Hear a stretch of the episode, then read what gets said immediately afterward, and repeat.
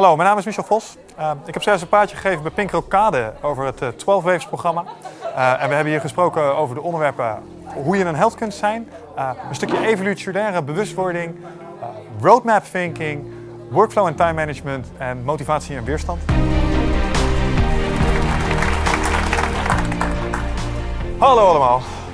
Ben ik ook voor de mensen achteraan een klein beetje te horen? Ik weet dat ik luid kan praten, maar het zal doen dat iedereen het gaat volgen. Um, ik moet direct met de billen bloot. Je, ik hoorde het zacht met mensen enthousiast knikken. Zijn jullie hiervoor? Ja, ik kom voor Getting Things Done. Oei. Um, want ik ga het over meer hebben als alleen Getting Things Done. We gaan echt een flinke reis maken vanavond. Um, ik ga jullie eigenlijk meenemen door de training die ik normaal in twee keer vier uur geef. De hele GTD-training. En GTD is eigenlijk maar een klein stukje van dat verhaal.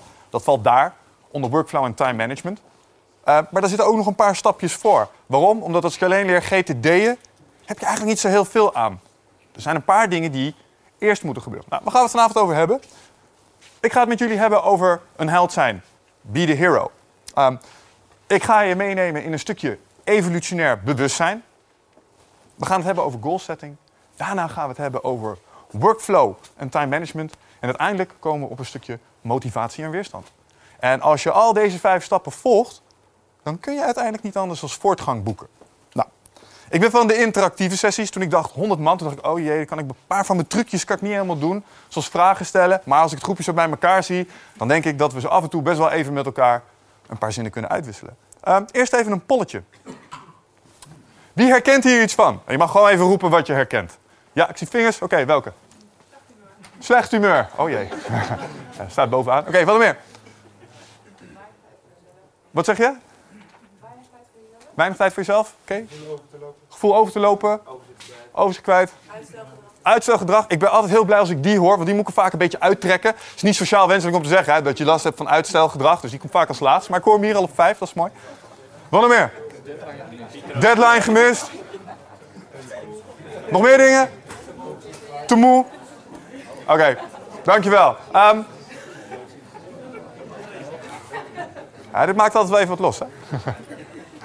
Oké, dus je zou kunnen zeggen dat als je deze allemaal hebt, dat het misschien niet helemaal optimaal met je gaat, toch? Ik denk dat we dat wel eens kunnen zijn met elkaar. Um, op enig moment was dat relevant voor mij. En als we dan even naar de volgende sheet gaan, dan ben ik eigenlijk ook wel even benieuwd naar waar je behoefte aan zou hebben.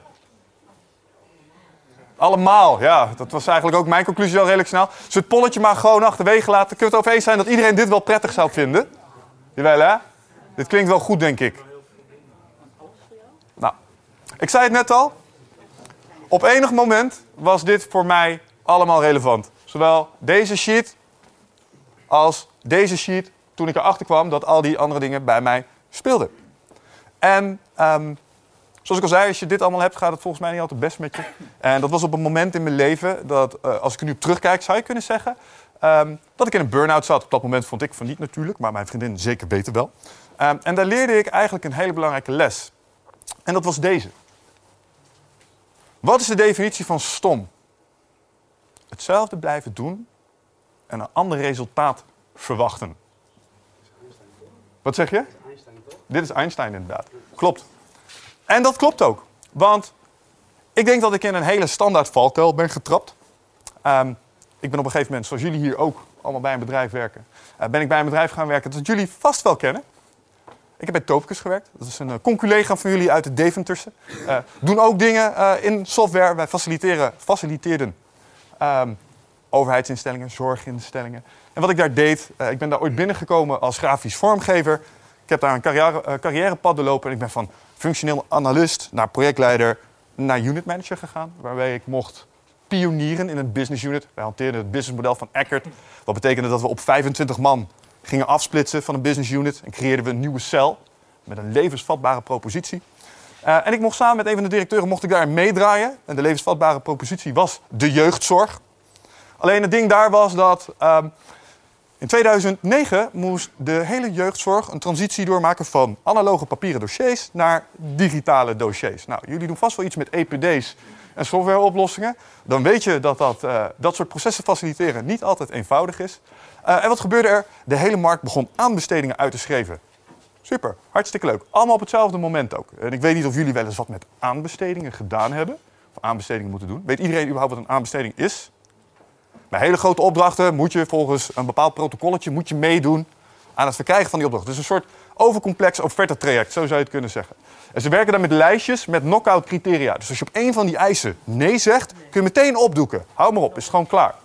Dus wat doe je dan als competitief uh, softwarebedrijf? Je zegt gewoon overal ja tegen. En dan zoek je later wel eventjes uit waar de, wat wij dan noemden, discrepanties in interpretatie zaten. Dit klinkt herkenbaar volgens mij. Oké. Ehm, maar dat betekende dus dat wij moesten gaan leveren. En um, heel mooi gezegd dat ik daarop opgepikt is: klant dreigt met opdracht. Uh, en dat was de situatie, want wij wonnen 7 van de 10 aanbestedingen. En dat was best veel. En daarmee kregen we bijna 45% van het marktaandeel in onze zak. En toen moesten we dus 21 organisaties gaan faciliteren in hun primaire bedrijfsproces. Planning, dossiervoering, capaciteit, al die zaken moesten wij gaan doen. Um, en we hadden een aantal EPD's wel in de zorg, maar we hadden nog geen geïntegreerde planningsapplicatie. Ik had een clickable prototype. Um, en dat was natuurlijk niet genoeg. Dus dat was wel even spannend. Um, met als gevolg dat wij binnen drie jaar ongelooflijk hard zijn gegroeid. Ik ongeveer 30 man uiteindelijk onder mijn hoede kreeg. En daar heb geleerd waarom Joden zeggen als ze een hekel aan je hebben, ik wens je veel personeel. Het is niet makkelijk om mensen aan te sturen. Um, en dit is misschien ook herkenbaar. Met dat ik dat carrièrepad inging, bij Topicus, en ik was op een directiepositie aan het afstevenen. Dat, dat was de wortel die ze me voorhielden, van jij wordt die directeur. En dat, ik dacht dat ik dat heel graag wilde. Um, alleen wat je ook merkt als je carrière gaat maken, is dat op een gegeven moment de balans een beetje scheef begint te trekken. Want um, ik had een andere passie naast werken en dat was sporten. En um, het sporten, sport die ik doe, is MMA. Kennen we dat hier? Ja, wie niet? Ja? MMA staat voor Mixed Martial Arts. En wat het eigenlijk is, is een combinatie tussen een beetje karate, judo, worstelen, kickboksen en jiu-jitsu. Um, en daarmee uh, ga je dan in een full contact setting, uh, kun je daar wedstrijden of toernooien in doen. En dat deed ik best wel fanatiek vanaf mijn achttiende. Trainde drie keer per week. Alleen toen ik plots voor mijn carrière ging, begon ik te merken dat die aandacht voor dat sporten af begon te nemen. En dat gelijktijdig de klachten die ik aan het begin liet zien, begon het toe te nemen. Want ja, je moet voor die positie, dus je moet werken, je moet knallen, je moet gaan. Um, alleen toen ik erop terugkeek, dacht ik van ja, maar ik ben hier eigenlijk helemaal niet meer aan het doen wat ik echt leuk vind. dat is belangrijk. Dat je dingen doet die je echt leuk vindt. Dat je hartstocht volgt. En op een gegeven moment in die functie van, nou ja, unit manager, bijna directeur, trok ik de conclusie, ik vind hier eigenlijk helemaal niks aan meer. En dat was moeilijk. Want dan kom ik even bij het stukje Be the Hero. Ik moest iets gaan doen waarvan ik eigenlijk diep in mijn hart al wist. Ik moet dit gaan doen, maar het was echt heel erg eng. Ik moet namelijk een keuze gaan maken om hier afscheid van te nemen en iets anders te gaan doen. En dat ben ik uiteindelijk ook gaan doen. Maar hoe ben ik dat gaan doen? Nou, door getting things done in mijn leven te krijgen. Ik kreeg het boek, was op vakantie in Mexico. Ik las het boek en ik dacht, ja, dit is mooi. Dit drukt op knoppen in mijn hoofd. Want wat GTD zei is, als jij niet weet waar je echt heen wil... en je hebt dingen in je hoofd waarvan je eigenlijk weet, dit wil ik echt... maar je manifesteert ze niet door ze op te schrijven of ze uit te spreken. Wat ik namelijk wilde, is ik wou fit en vitaal zijn. En ik wou meer met sport doen. Ik wou helemaal niet alle dagen in escalatiegesprekken zitten en functioneringsgesprekken doen. Vind ik helemaal niet interessant, kreeg ik geen energie van. Waar kreeg ik wel energie van? Mensen helpen. Vond ik hartstikke mooi. Dus ik moest gaan kiezen. En GTD zei, schrijf nou eens alles wat in je hoofd zit, waar je mee loopt, wat aandacht vraagt, schrijf dat nou eens op. En met dat ik dat begon te doen, werd mijn lijstje van dingen die ik echt wilde, werd heel anders dan de dingen die ik aan het doen was. Ik wilde werken aan mijn gezondheid. Ik wilde weer fit zijn. Ik wil niet moe zijn als ik bovenaan een trap sta. Dat kan niet. Snap je? Dat vond ik belangrijk. Dus dat heb ik gedaan. En ik ben uiteindelijk gaan GTD'en. Dus ik ben die dingen gaan opschrijven en ik ben het gaan manifesteren. Dus ik ben het gewoon gaan doen. En ik was toen nog unit manager. En de grap was, de omgeving begon het te merken. Hey, deze gast is iets anders aan het doen. We weten niet wat het is, maar de kwaliteit gaat omhoog. Er is veel meer focus, hij heeft veel meer energie. Hij is weer aan het sporten. Dat is opmerkelijk. En mijn omgeving begon mee te GTD'en. Die begon dat ook te doen. Dus het werkte heel aanstekelijk, want het geeft je een bepaalde betrouwbaarheid, het geeft je overzicht en het gaf mij heel veel rust. En dat had ik nodig om de juiste keuzes te kunnen maken. Nou, um, uiteindelijk kreeg ik het verzoek van een aantal andere directieleden binnen Topicus om een aantal mensen die op de bank zaten, dus met een burn-out echt thuis zaten, om die onder mijn hoede te nemen. Kun je ze leren GTD'en? Ja, kan ik wel, heb ik toen gezegd, maar ik ben ervan overtuigd dat het geheim van mijn herstel ook hierin zat, in het sporten. Dus Enerzijds om een koppelpoort te maken. En anderzijds ook wat aandacht gaan geven aan mijn vitaliteit. En hoe iedereen aandacht aan zijn vitaliteit geeft, nou, daar kun je het dan over hebben. Maar het verschil tussen iets doen en niets doen is al fenomenaal. Dus ik ben mensen binnen Topicus gaan begeleiden daarin. En langzaam maar zeker ontstond daar dus een soort bedrijfje uit. Ik ben vitaliteitstrajecten gaan doen. Ik ben uh, persoonlijke effectiviteitstrajecten gaan doen. En uiteindelijk heb ik de sprong gemaakt naar het zelfstandig ondernemerschap. Heb ik afscheid genomen van Topicus. En ben ik voor mezelf begonnen. Maar daarvoor moest ik eerst de hand op de stoel van die directeurstoel leggen om te weten: dit is niet wat ik wil. Dit is wat ik echt wil. Want als ik echt opschrijf waar mijn passie ligt, dan kom ik hierop uit. Nou, die lijn hebben we vervolgens doorgezet. En ik ben alleen nog maar dingen gaan doen waar ik echt, echt enthousiast van werd en waar ik in geloof. Um, hier is een soort spin-off uit ontstaan, Nutrofit. Wij verkopen supplementen en functioneel trainingsmateriaal. We zijn ooit begonnen omdat we deze dingen... Wie kent kettlebells? Is wel getraind met een kettlebell? Ja, die jongens van Onet, die hadden ze helemaal uitgesneden in mooie apenkoppen en zo. Die wilden we eigenlijk hebben. Oh, dat is mooi spul. Laten we dat eens uh, overhalen vanuit Amerika. En um, nou ja, toen zagen we dat ze nog meer mooie producten hadden en toen zijn we dit uh, opgestart. Um, en dit loopt, dit loopt leuk. Omdat we hier de methodiek van het GTD en het roadmap denken op hebben losgelaten. Maar dit was een opstapje naar nog eigenlijk iets veel leukers. Uh, namelijk naar eindbazen. Dit is mijn podcast, doe ik samen met Wigert Meerman. Dat is ook mijn compagnon in Nutrofit. En dit was eigenlijk een beetje een onverwacht succesje. Wij wilden graag ondernemen. En dat kwam omdat wij luisterden naar podcasts uit Amerika. En daar werd juist gehamerd op het feit van volg je passie, werk eraan, stop er tijd in, denk aan de stippen aan je horizon. En dat zijn we hiervoor ook gaan doen. En het leuke is dat dit op een gegeven moment is gaan werken. Want we hebben inmiddels 38 afleveringen geschoten. Meer dan 100 uur aan content. En we hebben nou ja, over de 300.000 luisteraars weten te verzamelen in een jaar tijd. En dat is best fenomenaal, vonden wij. Uh, we hebben fans, we krijgen zo af en toe berichtjes. Er wordt geluisterd naar de content die we produceren. We krijgen leuke respons daarop. De gasten worden ook steeds beter. En we staan regelmatig op één in iTunes. En wij zijn ervan overtuigd dat dat komt omdat we constant in onze passie aan het werk zijn. Met een bepaalde overtuiging en een daadkracht. Omdat we met een bepaald systeem en een bepaald protocol werken. We hebben hou vast. We weten constant wat we moeten doen. Nou. Tot slot ben ik begonnen met een programma, 12 Waves. En eigenlijk ga ik je 12 Waves minus een klein stukje in het kort geven vandaag. En 12 Waves is een programma dat zich inderdaad richt op evolutionair awareness, goal setting, workflow, stukje intervisie, uh, Entheogenics, waar ik in de pauze nog wel iets over wil vertellen. En physical fitness, dus echt vitaliteit. En het is een protocolletje. Um, en het combineert dus deze elementen.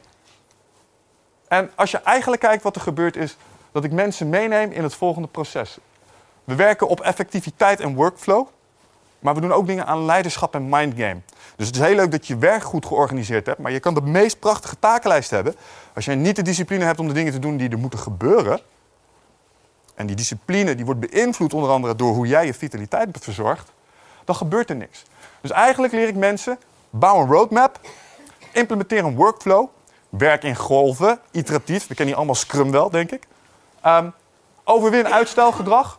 En hoe je dat dan moet doen. Organiseer een wingman. En dat is gewoon iemand, een buddy. Iemand die met je meedraait. Iemand die jouw doelen ook kent. Um, en verbeter je mentale en fysieke energie. Wat het met name doet, is het borgen van het realiseren van je doelen en ambities in een robuuste ontwikkelmethode. Want de grote frustratie die ik had, maar die ik ook bij anderen zag, is: wie is er wel eens een keer naar zo'n training geweest waarbij je lekker mocht nadenken over waar je over twee tot drie jaar wilde staan? Mocht je alles mooi opschrijven, zo, ah, kikken, moodboards, vision boards, lekker visualiseren. Wel eens mensen gedaan hier? Hoe willen ze van terechtkomen? Weinig waarschijnlijk. En hoe komt dat? Want dan heb je het mooi opgeschreven en dan eh, helemaal geïnspireerd het weekend in. Volgende maandag kom je op kantoor. Telefoon gaat, boze klanten. E-mailbox loopt vol. Baas aan het eind van de gang, zo'n pak papier voor jou. En al die fantastische ambities die jij had, die smelten alweer als sneeuw voor de zon. En jij bent aan het overleven. Je bent gewoon weer je dingen aan het doen. Je zit weer in de rat race. En dat is jammer, want je hebt nagedacht over waar je heen wil. En nou sta je hier en je bent geen voortgang aan het boeken. Nou, wat deze methode doet, is die twee werelden aan elkaar rijgen. Met een paar simpele instrumenten. Uh, enerzijds proberen we dromen, ambities en doelen proberen we uit je hoofd te krijgen op papier. Dat doen we aan deze kant. Dat doen we middels visualisatie, storytelling en een roadmap. Zometeen gaan we nog iets meer over storytelling vertellen. Maar je moet jezelf in principe een verhaal vertellen over je leven. Ehm, en dat borgen we dan in die weerbarstige praktijk middels Agile, Scrum, GTD en een stukje intervisie als gevolg van wingman. En daarmee trekken we die dromen en ambities naar de realiteit. En de truc van dit systeem is dat, ik vroeg net, wie kent MMA? Nou, dat is belangrijk omdat MMA als eigenschap heeft dat het alles overal vandaan jat. Kijk, wat, wat MMA is, is knokken. En als ik een tegenstander heb en die kan bepaalde dingen, ja, het is mijn doel om hem te verslaan. Dus het is leuk dat je allerlei vechtsport hebt met allerlei leuke technieken, maar als het niet werkt, heb je er niks aan. Dus wat doet MMA met name? Kijken wat werkt uit welke stijl. Oh, dit doet het heel goed. Een knie uit het kickbox is perfect. Een trap uit het taekwondo is heel mooi. De worp uit het judo kunnen we ook gebruiken. Maar er zitten ook dingen in, daar heb je niks aan. Nou, die vergeten we vervolgens. Wij hebben eigenlijk hetzelfde gedaan met time management methodes, um, visualisatiemethodes, dingen om dingen uit je hoofd te krijgen. En dat wat werkte, hebben we eruit genomen en zijn we gaan gebruiken. Dat heeft geresulteerd in een soort cyclus. Geen zorgen, je krijgt deze sheets. Dus als je dit allemaal een keer rustig in detail nog een keer wil nabladeren, dan kan dat. Als je een beetje loes kijken van het is klein. Dit hoef je niet uh, helemaal door te nemen. Maar waar het om gaat is dat het eigenlijk een protocolletje is dat werkt in een iteratie. Dus je gaat eigenlijk een maandelijkse cyclus in, waarbij je op basis van je roadmap en je workflow zorgt dat die mijlpalen die jij voor jezelf hebt gesteld, elke keer weer onder de aandacht komen. En elke keer weer worden geallockeerd, ingepland en op worden bewogen. Ehm, en dat is wat dat protocol inhoudt. Nou, het doel van het protocol is momentum. Wat ik mensen probeer te geven is het gevoel van voortgang. Want dat is het meest verslavende gevoel wat er is, denk ik. Als jij weet dat je daarheen wil, en je weet dat er allerlei obstakels en hindernissen zijn, maar toch lukt het je om daar te komen, dat is een bijzonder bevredigend gevoel. En dat voelt ook goed. Ehm, ik omschrijf het ook wel zo. Dit is ook een gevoel van momentum. Ploeteren om de heuvel op te komen, op je sleetje gaan zitten en er vervolgens afglijden. En dat glijden is natuurlijk het moment. Het momentumgevoel. Um, ik heb deze training best wel vaak gegeven. En ik heb eens een keer geprobeerd om dit verhaal in een modelletje te gieten. Um, discussie was altijd uh, in de training: wat is succes? Gaan we die exercitie hier nu even niet doen, maar je mag ervan uitgaan dat over het algemeen uh, de definitie uitkomt dat succes voortgang is. Dus niet een grote huis, geen mooie auto, weet je, dat zijn niet, want dat is misschien het eerste waar je denkt als je het hebt over succes. Nee, het is het boeken van voortgang. Succes is heel individueel. Mijn succes is niet jouw succes, niet jouw succes. Jullie hebben allemaal individuele doelen. Maar op het moment dat je naar die doelen toe beweegt, ah, dan wordt het interessant, want dan ben je succesvol.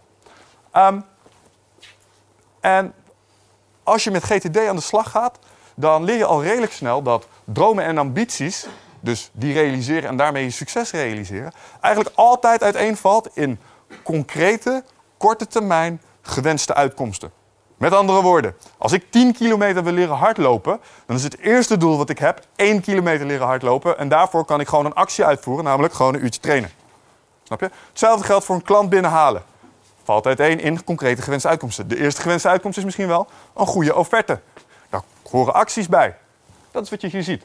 Dus je hebt doelen, daar vallen projecten in. Dat zijn eigenlijk dingen die uit meer dan één of twee acties bestaan. Als we, het hier, als we hier hebben over projecten, zijn het altijd gewenste uitkomsten.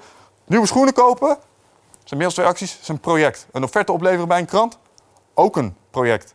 Kijk, vaak zijn projecten een hele implementatie. Nee, dat is een verzameling van projecten met allemaal deelgewenste uitkomsten. Dit is waar voortgang woont. Als je dit spel goed gaat spelen, gecombineerd met waar je naartoe wil, dan kan je niet anders als voortgang boeken, mits je doet. En dat was een beetje de truc in mijn verhaal. Dit doen werd steeds zwaarder, omdat dit steeds minder werd, energie. En dat kwam door te veel stress en dat kwam ook door te weinig zorg voor mijn biologische machine. Dus het werkt aan twee kanten. Het is leuk dat je bepaalt waar je naartoe wil, maar als je dit apparaat niet verzorgt, dan wordt het steeds moeilijker om de energie op te brengen om je voortgang te boeken. Dus eigenlijk hebben we het ook over energie optimaliseren. Dat is belangrijk. Ik geloof ook dat een droom zonder een plan eigenlijk niet meer is als een wens. Dus we zullen een plan moeten gaan formuleren om onze doelen daadwerkelijk te manifesteren. Maar ik geloof ook dat we daarbij voor de voeten worden gelopen door het feit dat we nog een soort innerlijke aap in ons hebben. wij komen 98% overeen met chimpansees op DNA-gebied. Hm, je zou kunnen zeggen dat dat heel dicht bij elkaar ligt. En ik denk dat je daar last van hebt in de uitvoer van je werk.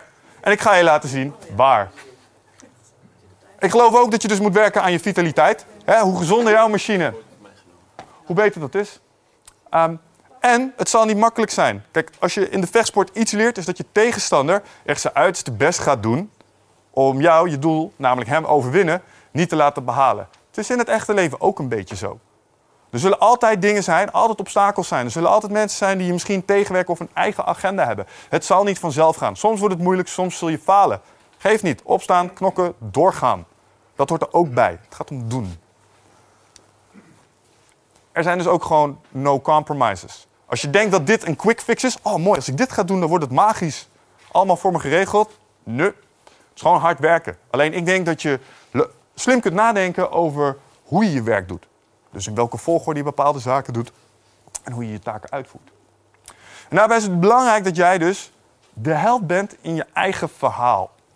En ehm, waarom gaan we naar ons leven kijken alsof het een verhaal is op een afstandje? Dat is heel simpel. Ehm, stel, jij moet advies geven aan een van je beste vrienden over zijn, zijn of haar relatie. Dat is altijd super makkelijk, toch? Ah, je moet dit doen, ah, je moet dat doen, het is waarschijnlijk dit. Totdat je zelf in een situatie zit en dan is het plots moeilijk. Zelfde situatie, maar dan is het in één keer heel abstract en vervelend en complex. En, maar als je het voor een ander moet oplossen, is het altijd simpel. Toch? Geldt voor de meeste problemen. Als jij op een afstandje naar een van je eigen problemen kijkt en je doet alsof het een probleem is van een ander, bijvoorbeeld een held in een film, en je vraagt je af, als dit nou een film was, wat zou de held dan doen? Dan is plaats heel evident wat de juiste keuze is in een bepaalde situatie. Ga ik opgeven of ga ik door? Wat zou de held doen? Ja, die zou doorgaan. Oké, klasse.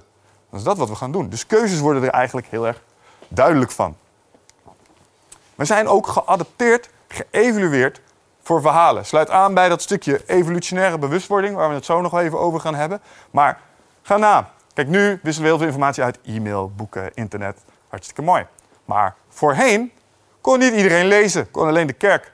Hoe werd informatie overgedragen? Verbaal. Vaak in de vorm van verhalen.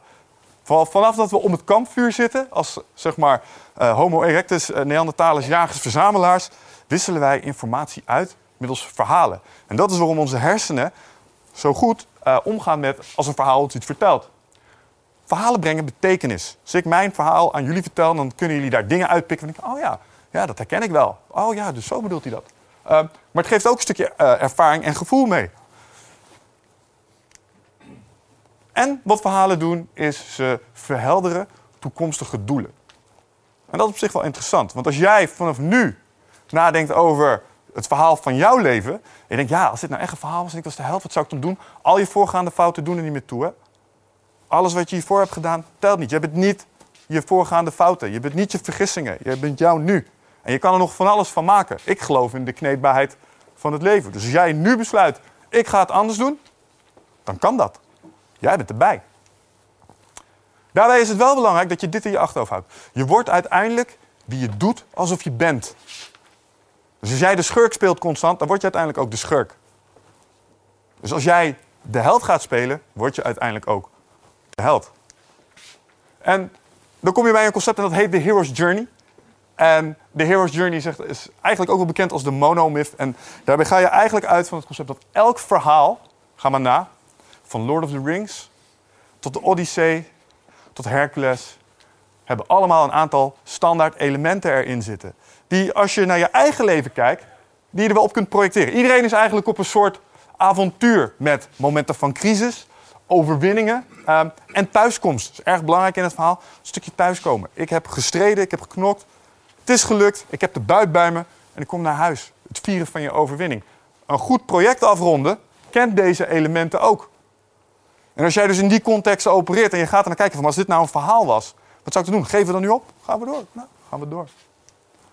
Dus de vraag is eigenlijk voor jou, wat zou de held doen? Dus als mijn leven een film was, wat zou de held dan nu op dit moment doen? En ik denk dat als je dat gedachte-experiment voor jezelf uitvoert, dat er al redelijk snel een aantal dingen bij je naar boven komen. Stel, je zit al veel te lang thuis op de bank en je weet dat je fysiek actiever zou moeten zijn.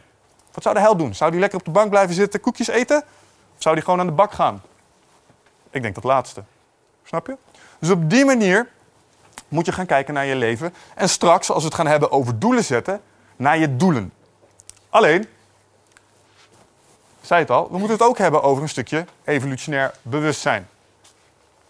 Ik denk namelijk dat wij apen met smartphones zijn. bedoel, de held spelen is echt hartstikke leuk, maar in de praktijk zijn we apen met smartphones. Deze meneer, ik ben groot fan van deze meneer, Joe Rogan, zei er het volgende over.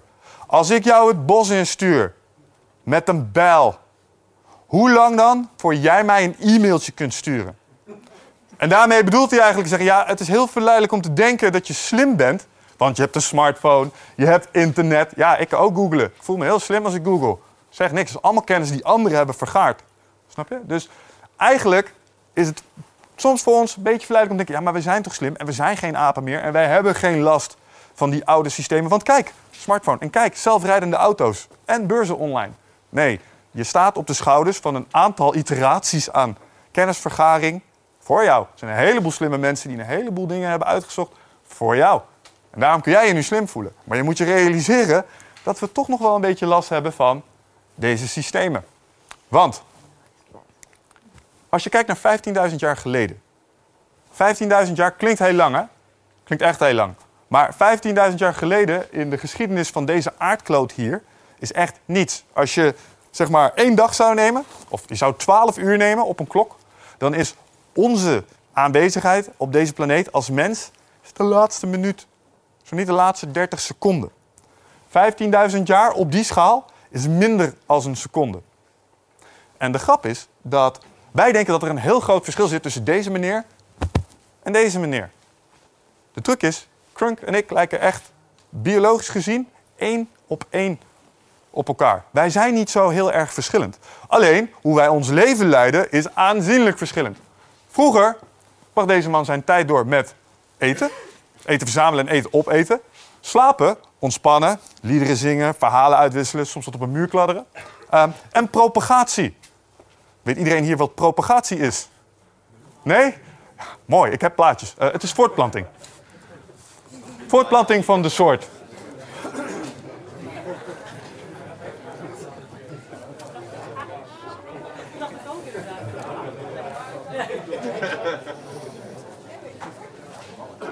En dat laatste met name, dat stukje propagatie hebben we bijzonder goed gedaan als je kijkt naar de aantallen waarmee we zijn. Er is een tijd geweest dat er maar 10.000 van ons, Homo erectus, over deze planeet heen liepen. 10.000 maar. Dat is echt niet veel. We zijn nu met bijna 7 biljoen. We produceren er nu 10.000 per minuut ongeveer. Dus dit stukje hebben we echt bijzonder goed gedaan.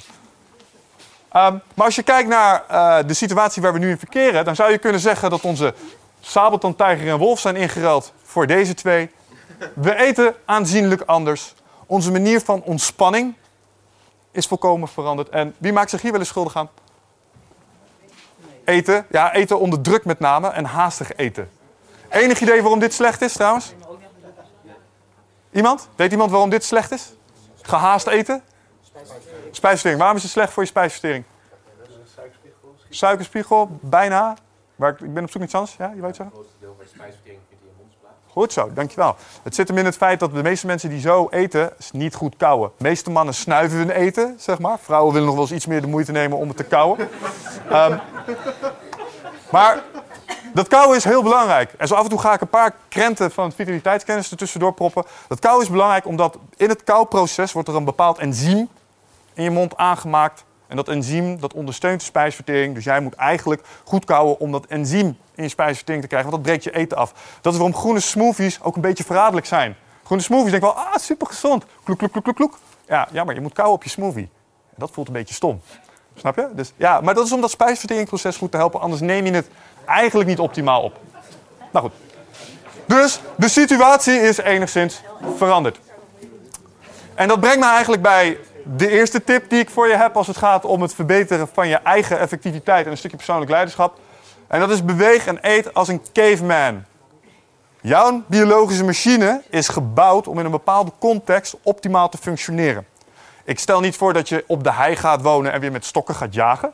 Maar wat ik wel voorstel, is dat je je lichaam zo af en toe wel even de prikkel geeft die het eigenlijk zou moeten krijgen in de vorm van bijvoorbeeld beweging. Wie hier beweegt er drie uur per dag? Weinig mensen, denk ik hoor. Merendeel zit. Weinig. Drie uur?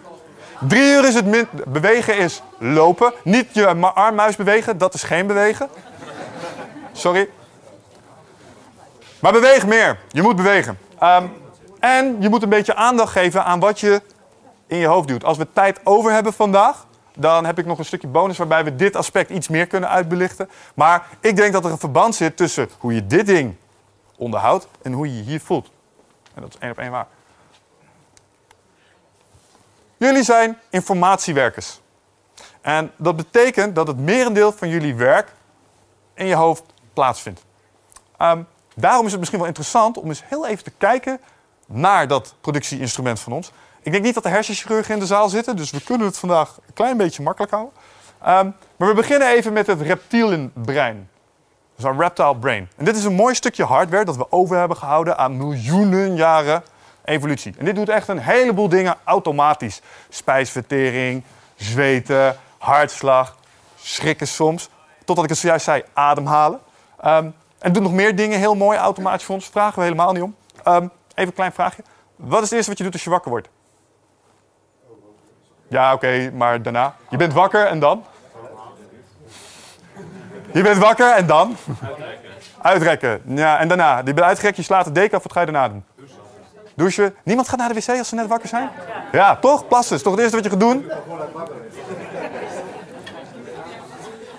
Dit reptielenbrein doet daar twee dingen in.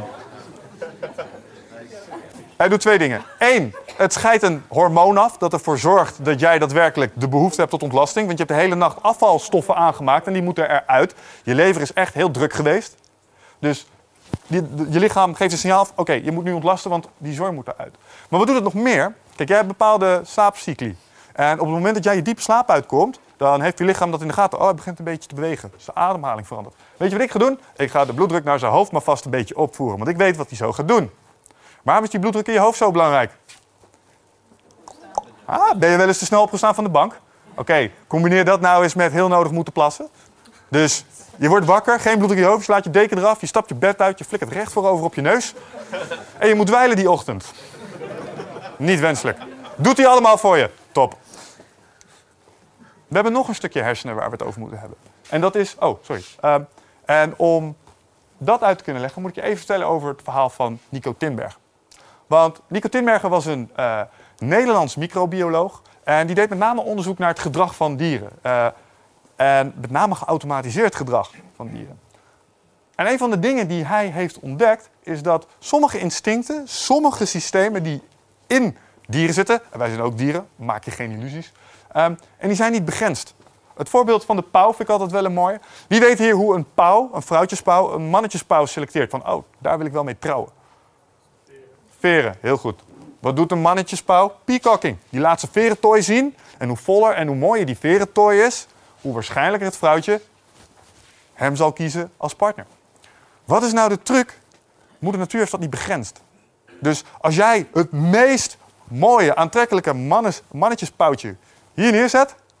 en je zet er een neptooi naast... gewoon eentje die we maken van plastic... die open en dichtklapt en knippert en lampen en van alles erop en eraan... dan heeft zo'n vrouwtjespauw dat gewoon niet in de gaten. Die kiest dan voor de neppauw. En dat is interessant, want dat sluit niet heel goed aan bij een van de primaire instructies, namelijk voortplanting. Want je kan niet voortplanten met zo'n nepding. Dus dat heeft dat ding dus niet in de gaten. Hm, interessant. Sommige, uh, sommige vogels hebben dat ook. Als een nest met vogeltjes gevoederd wordt, hoe gaat dat dan, denken jullie? Dus we hebben vier vogeltjes. Mama komt terug en die gaat al die vogeltjes lekker eten lopen geven. Toch? Nee, heel goed. Want wij hebben een beetje te veel Disney-perceptie als het gaat om moeder natuur. Dat werkt helaas anders. Wat doet moeder namelijk echt? Die komt aan, die heeft beperkt eten. Het zijn er vijf, ik heb genoeg voor vier. Ik kies degene met het meest gele bekje, die het meest ver open staat. Die is het gezondst. Die voeder ik als eerst. Daarna de tweede, daarna de derde, daarna de vierde. De vijfde, nee, geen eten meer voor jou. Jij bent toch het kneusje. Jammer joh. Je gaat gewoon dood. Wat blijkt nou? Zet jij daar een nepvogeltje tussen met een nep element, neongeel, weet je, kan als de Exorcist helemaal open en dat soort dingen, super eng. Um, dan krijgt dat het eten. Dus dat is ook niet begrensd. En de grap is dus dat als dat geldt voor andere dieren, wat betekent dat dan voor ons? Als je deze kent, niks vertellen.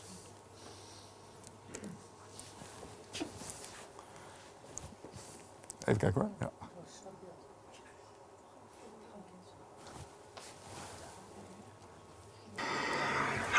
Passes does the team in white make?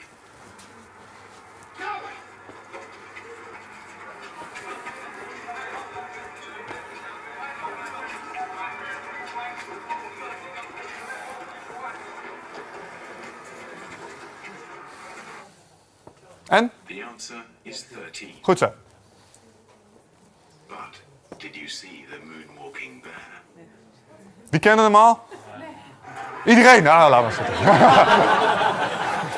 nee, geitje. Maar het is dus zeg maar, voor de mensen die hem nog niet kenden...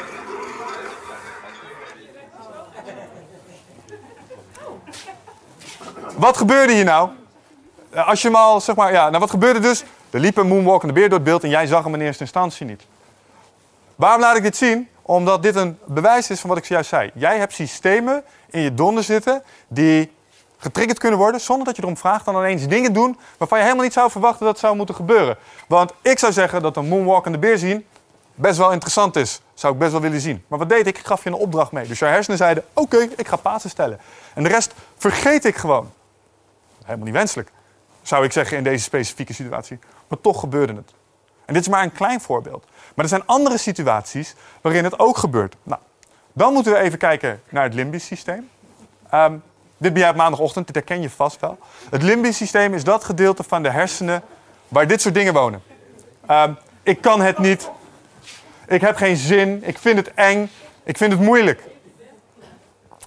Eigenlijk zou je kunnen zeggen dat hier stressreacties, stressreacties worden gegenereerd door anticipatie op ervaren risico. Voor een aantal van jullie zal het zo zijn dat als ik zeg morgen naar de tandarts, dat nu je hartslag al een klein beetje begint op te lopen. En bij een aantal van jullie zal het zo zijn als ik dit ding in je handen gooi en ik zeg maak jij het maar af, dat je er ook niet bijzonder gelukkig van wordt van oh jee, voor een groep staan. Snap je? En dan gaat er dus iets aan dat heet fight or flight.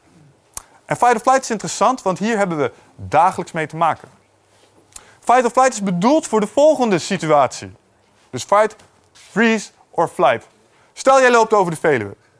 En dit springt uit de bosjes. Ontsnapt uit de circus. Ik weet het niet. Rens heeft zijn tent verkocht. Dit ding hebben ze losgelaten.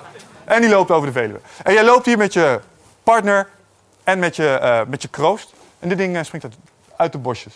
Nou gebeurt er één van de volgende drie dingen. Flight. Rennen schatje, laat hem maar achter. We maken wel een nieuwe. Dat is één.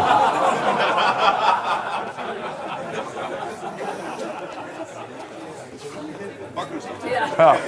Kan. Twee, freeze. Je ziet dat ding, je slaat dicht, je laat alles lopen. Weet iemand trouwens waarom dat is? Waarom je alles laat lopen op het moment dat je echt heel, heel bang bent? Spierontspanning, ja, nee. Oké, volgende situatie.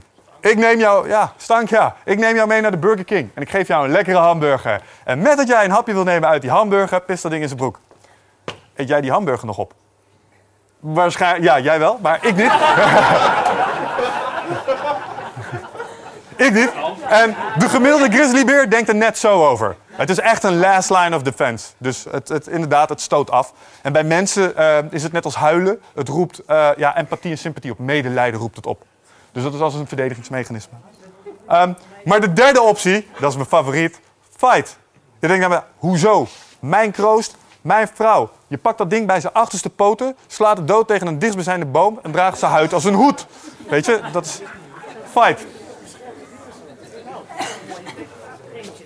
De grap is alleen dat deze mechanieken niet alleen aangaan in deze situatie, maar ook in deze. Is exact hetzelfde mechanisme dat het overneemt. Of in deze, het missen van een deadline, het voeren van een moeilijk gesprek of oog in oog komen te staan met 600 kilo grizzlybeer. Exact dezelfde fysieke reactie. En wat gebeurt er nou onder de motorkap als dit aangaat? Eigenlijk wat er gebeurt is dat een deel van je hersenen registreert gevaar. En een beer is redelijk evident dat dat gevaarlijk is. Maar deadlines en ehm, public speaking of een moeilijk gesprek of een tandarts, tandarts is het wel redelijk evident, doen het ook. En dat ervaren we dus ook als gevaar. Dat komt omdat wij sociale dieren zijn. Wij zijn geëvolueerd volgens het Savannah-principe om in groepjes van ongeveer 20 man over de vlaktes heen te reizen. En met elkaar kon je het overleven. Gedroeg je echter als een hork of deed je dingen die echt niet konden of wat dan ook, dan werd je uit de groep getrapt. En uitbanning uit de groep betekende dood. Je kan niet in je eentje een sabeltandtijger aan. En daarom zijn wij zo ongelooflijk gevoelig voor sociale dynamieken en de mening van anderen. Want als je onder de motorkap kijkt bij public speaking, wat is de angst die er echt is? Ja, straks doe ik het niet goed en vinden ze me stom. Snap je? Dus dat is het gevaar wat de hersenen hier oppikken. Ehm, en op het moment dat zo'n gevaar wordt geconstateerd, gaat de hersenen een hormoon afscheiden. En dat genereert cortisol en adrenaline. En adrenaline kennen we allemaal wel. Als je eens een keer bent afgesneden in het verkeer, dan weet je wat dat is. Hoge hartslag, schelden, waarschijnlijk een beetje trillen na, na de tijd. Of als je echt heel, heel boos bent geweest, gebeurt precies hetzelfde. Want dat komt omdat die adrenaline en die cortisol gezamenlijk de volgende fysieke reacties met zich meebrengen. Verhoogde hartslag. Blaasontspanning, daar heb je hem. Tunnelvisie, een beetje schudden in de handen. Verwijde pupillen. Kleur in je gezicht, droge mond, vertraagde spijsvertering en gehoorverlies. Het klinkt een beetje als een housefeestje, maar dit gebeurt echt allemaal in je hoofd. En wat je dus eigenlijk zou kunnen zeggen is dat wij reageren op papieren tijgers. Dus wij gaan constant aan op dingen die niet fysiek bedreigend voor je zijn. Er gaat niemand bloeden als er een deadline wordt gemist. Nou, ligt een beetje aan. Maar um, in principe. ligt aan je baas.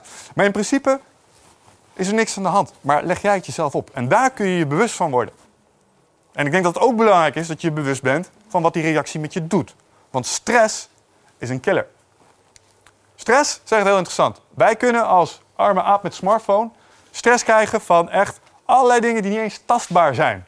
Informatie. Informatie is stressvol. Als ik ochtends het nieuws aan heb staan, dan zie, kijk ik soms naar tv en dan zie ik van die balken en dan lopen dan van die beurskoersen onderdoor. Ja, mij zegt het niet zoveel, maar ik weet zeker dat er iemand ergens zit en die is er bijzonder gestrest van. Ja? Um, informatie over climate change. Sommige mensen worden daar bijzonder gestrest van.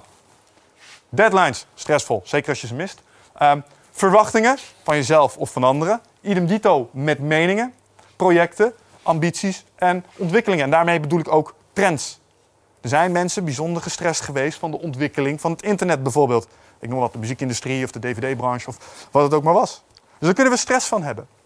En stress is niet zozeer erg, want het geeft ons ook meer vermogen om te performen. Kijk, als ik hier zo'n verhaal moet houden, nou, dan heb ik best wel een beetje spanning. Maar dat maakt me scherp, dus dat is niet erg. Het moet alleen niet doorslaan. En de beste analogie die je daarbij kunt gebruiken, stel je nou toch eens voor dat dit een fysieke training is, waarbij je gewichten boven je hoofd aan het uitstoten bent. Kijk, het gaat allemaal goed totdat je hier ongeveer komt. Maar hier zit een omslagpunt. Want er is ergens een moment waarop je die halte nog één keer omhoog kunt krijgen, maar niet meer gecontroleerd naar beneden en kun je hem wegkoppen.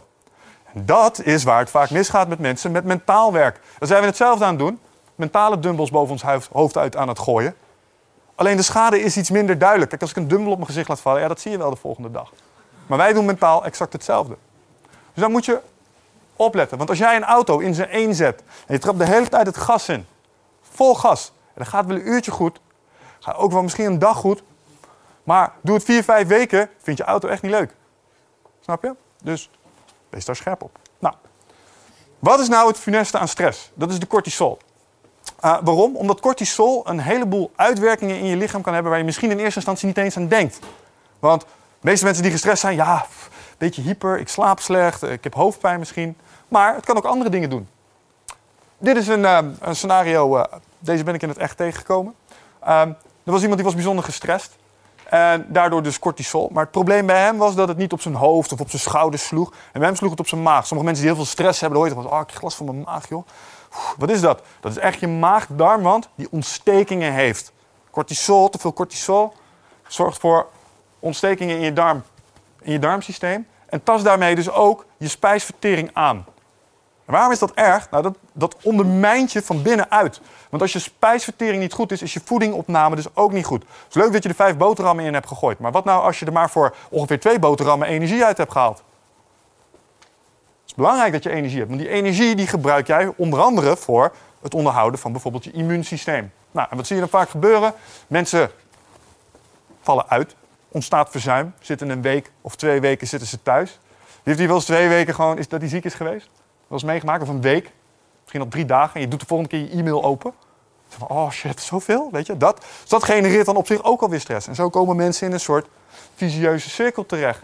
En wat je dan vaak ziet is dat mensen nou, minder gaan bewegen en crap foods gewoon gaan eten. En als ik zeg crap foods, je weet best wel wat crap foods zijn. Ik heb één keer meegemaakt, een cliënt. Het enige wat hij nog deed, was RTL Z kijken en borrelnootjes eten.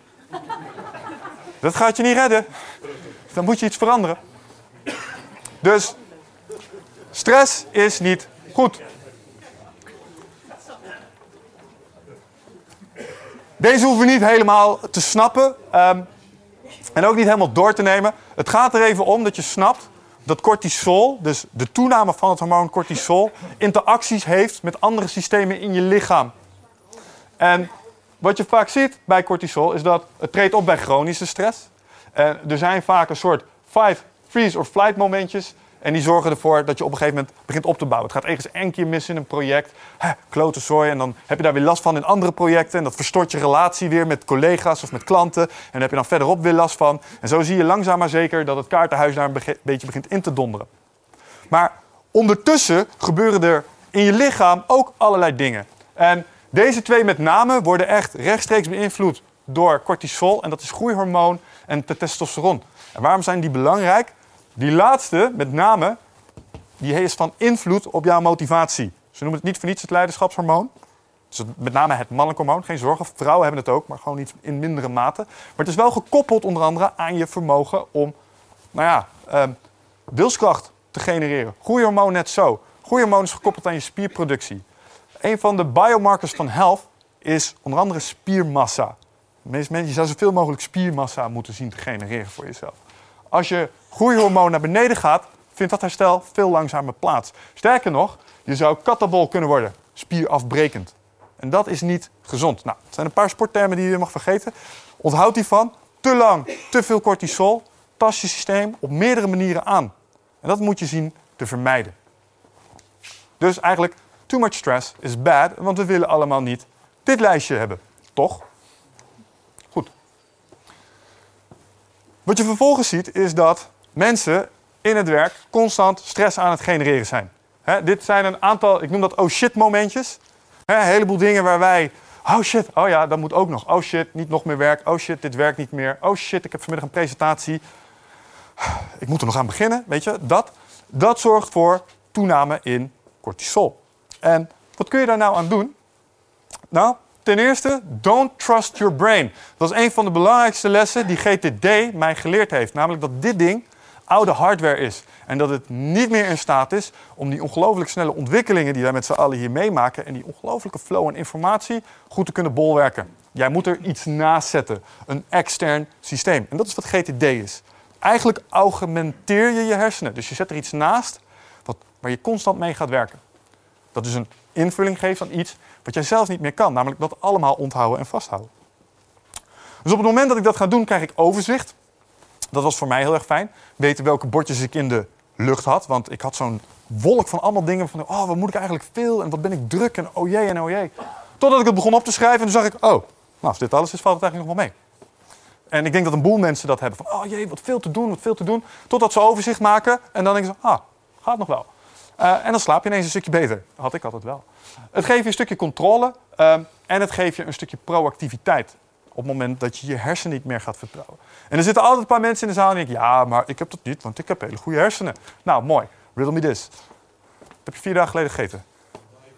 Wat zeg je? Andijvie, heel goed. Nog meer mensen die het weten. Of zijn er ook een paar die gewoon echt geen idee meer hebben? Soms hoor ik nu, wat voor dag is het vandaag dan?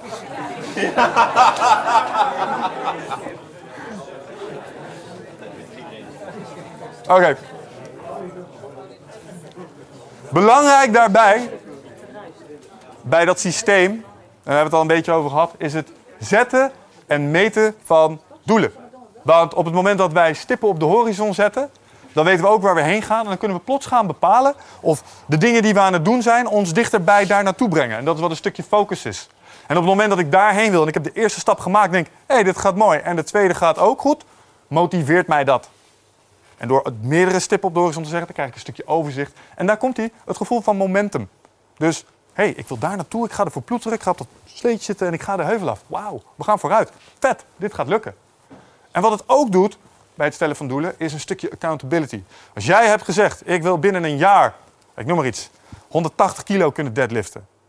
En je kan halverwege het jaar, kun je nog maar 60, dan moet je jezelf afvragen of je goed bezig bent.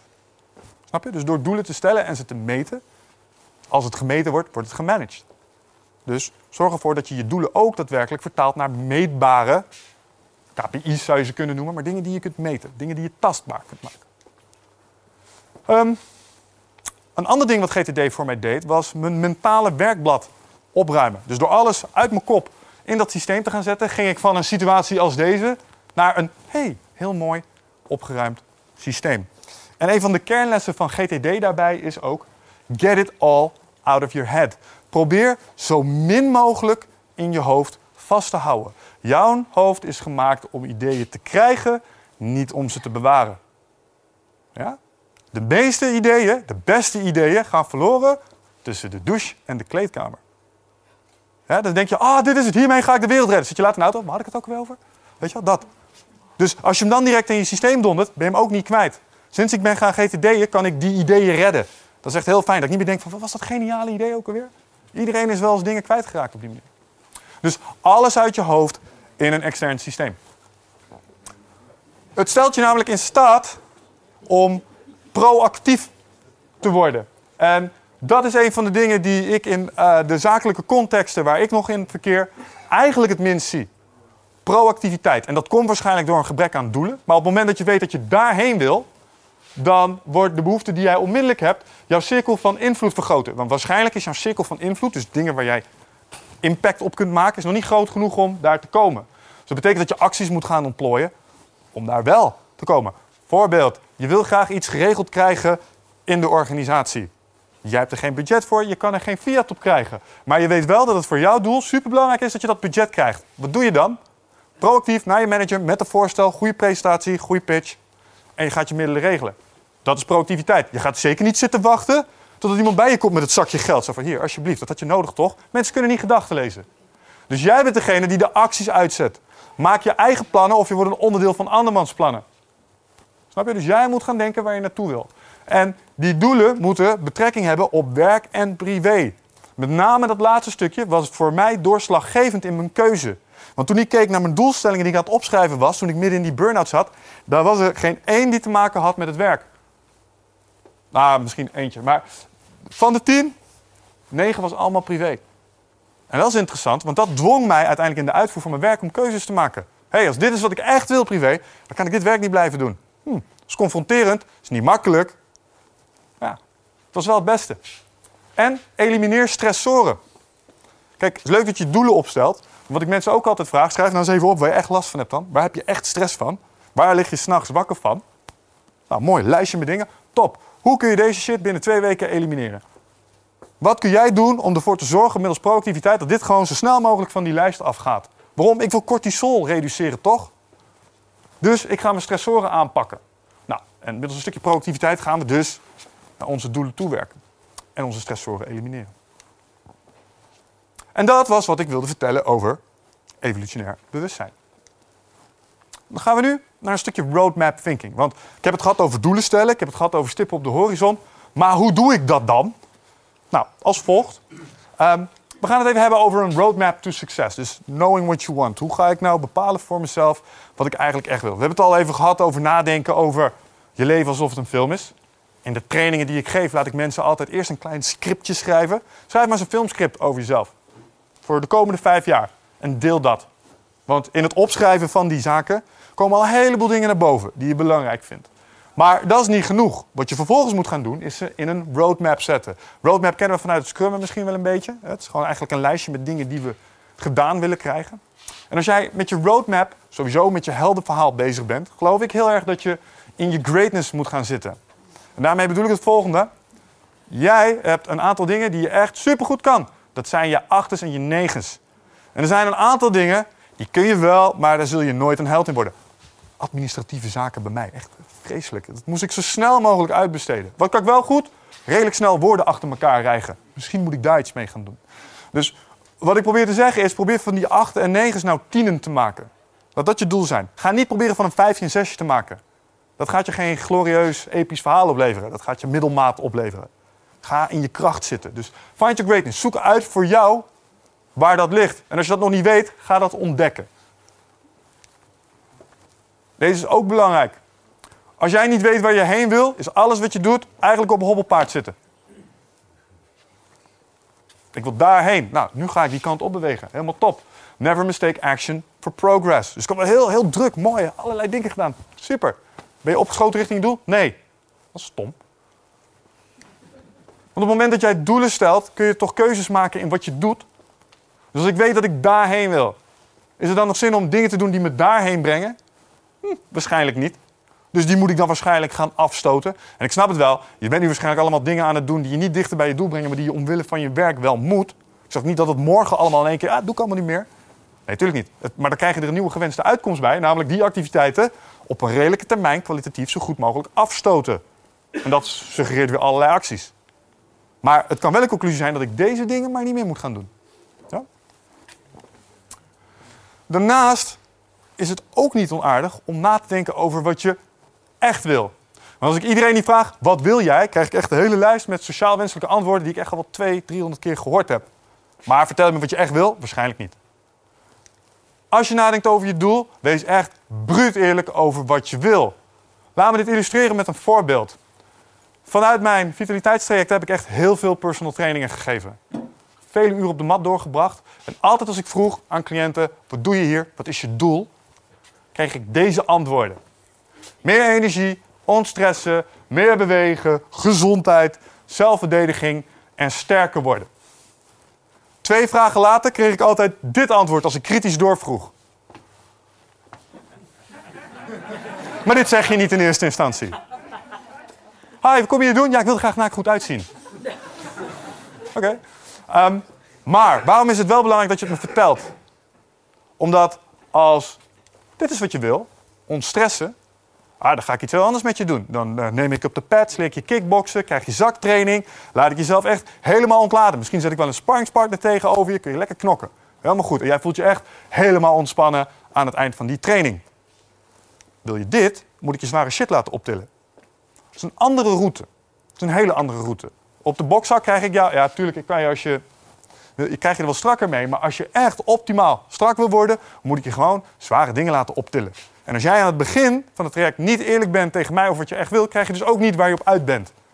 En ik denk dat het met meer dingen zo is. Dus als jij voor jezelf nagaat, ja, wat wil ik nou? Ja, oké, geef ik het sociaal wenselijke antwoord of weet ik voor mezelf, eigenlijk wil ik dit. Tweede voorbeeld. Bij ons op de gym hebben we twee broers. En als je een van die broers vraagt, waarom train je hier? Fit en sterk worden. Vraag je het die ander, om beter te blijven als mijn broer. Ah, maar dat is interessant. Want op het moment dat hij aan het trainen is heeft geen zin, hoef ik alleen maar in zijn oor te fluisteren. Die broer traint harder.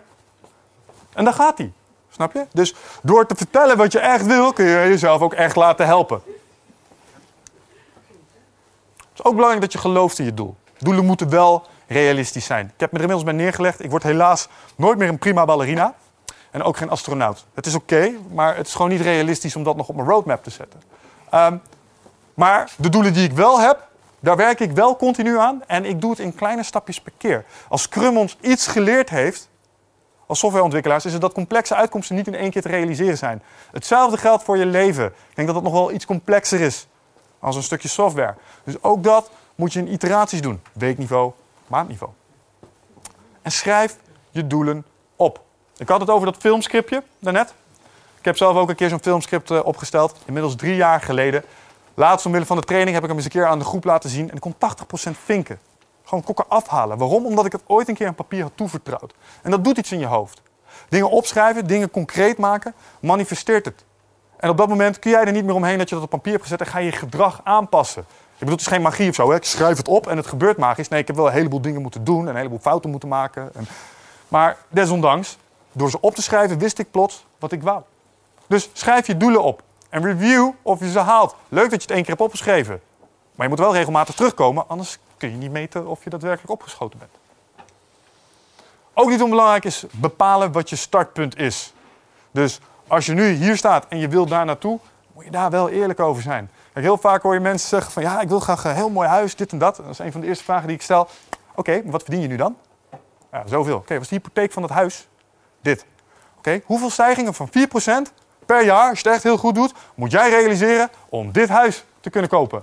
30. Oké, ik moet iets anders gaan doen. Of ik moet maar een ander huis willen. Maar de meeste mensen komen dan tot de conclusie... Hm, misschien moet ik iets in zelfstandig ondernemerschap doen... want ik vind dat wel echt een heel mooi huis. Maar in loondienst ga ik het niet redden. Oké, dus bepaal je startpunt.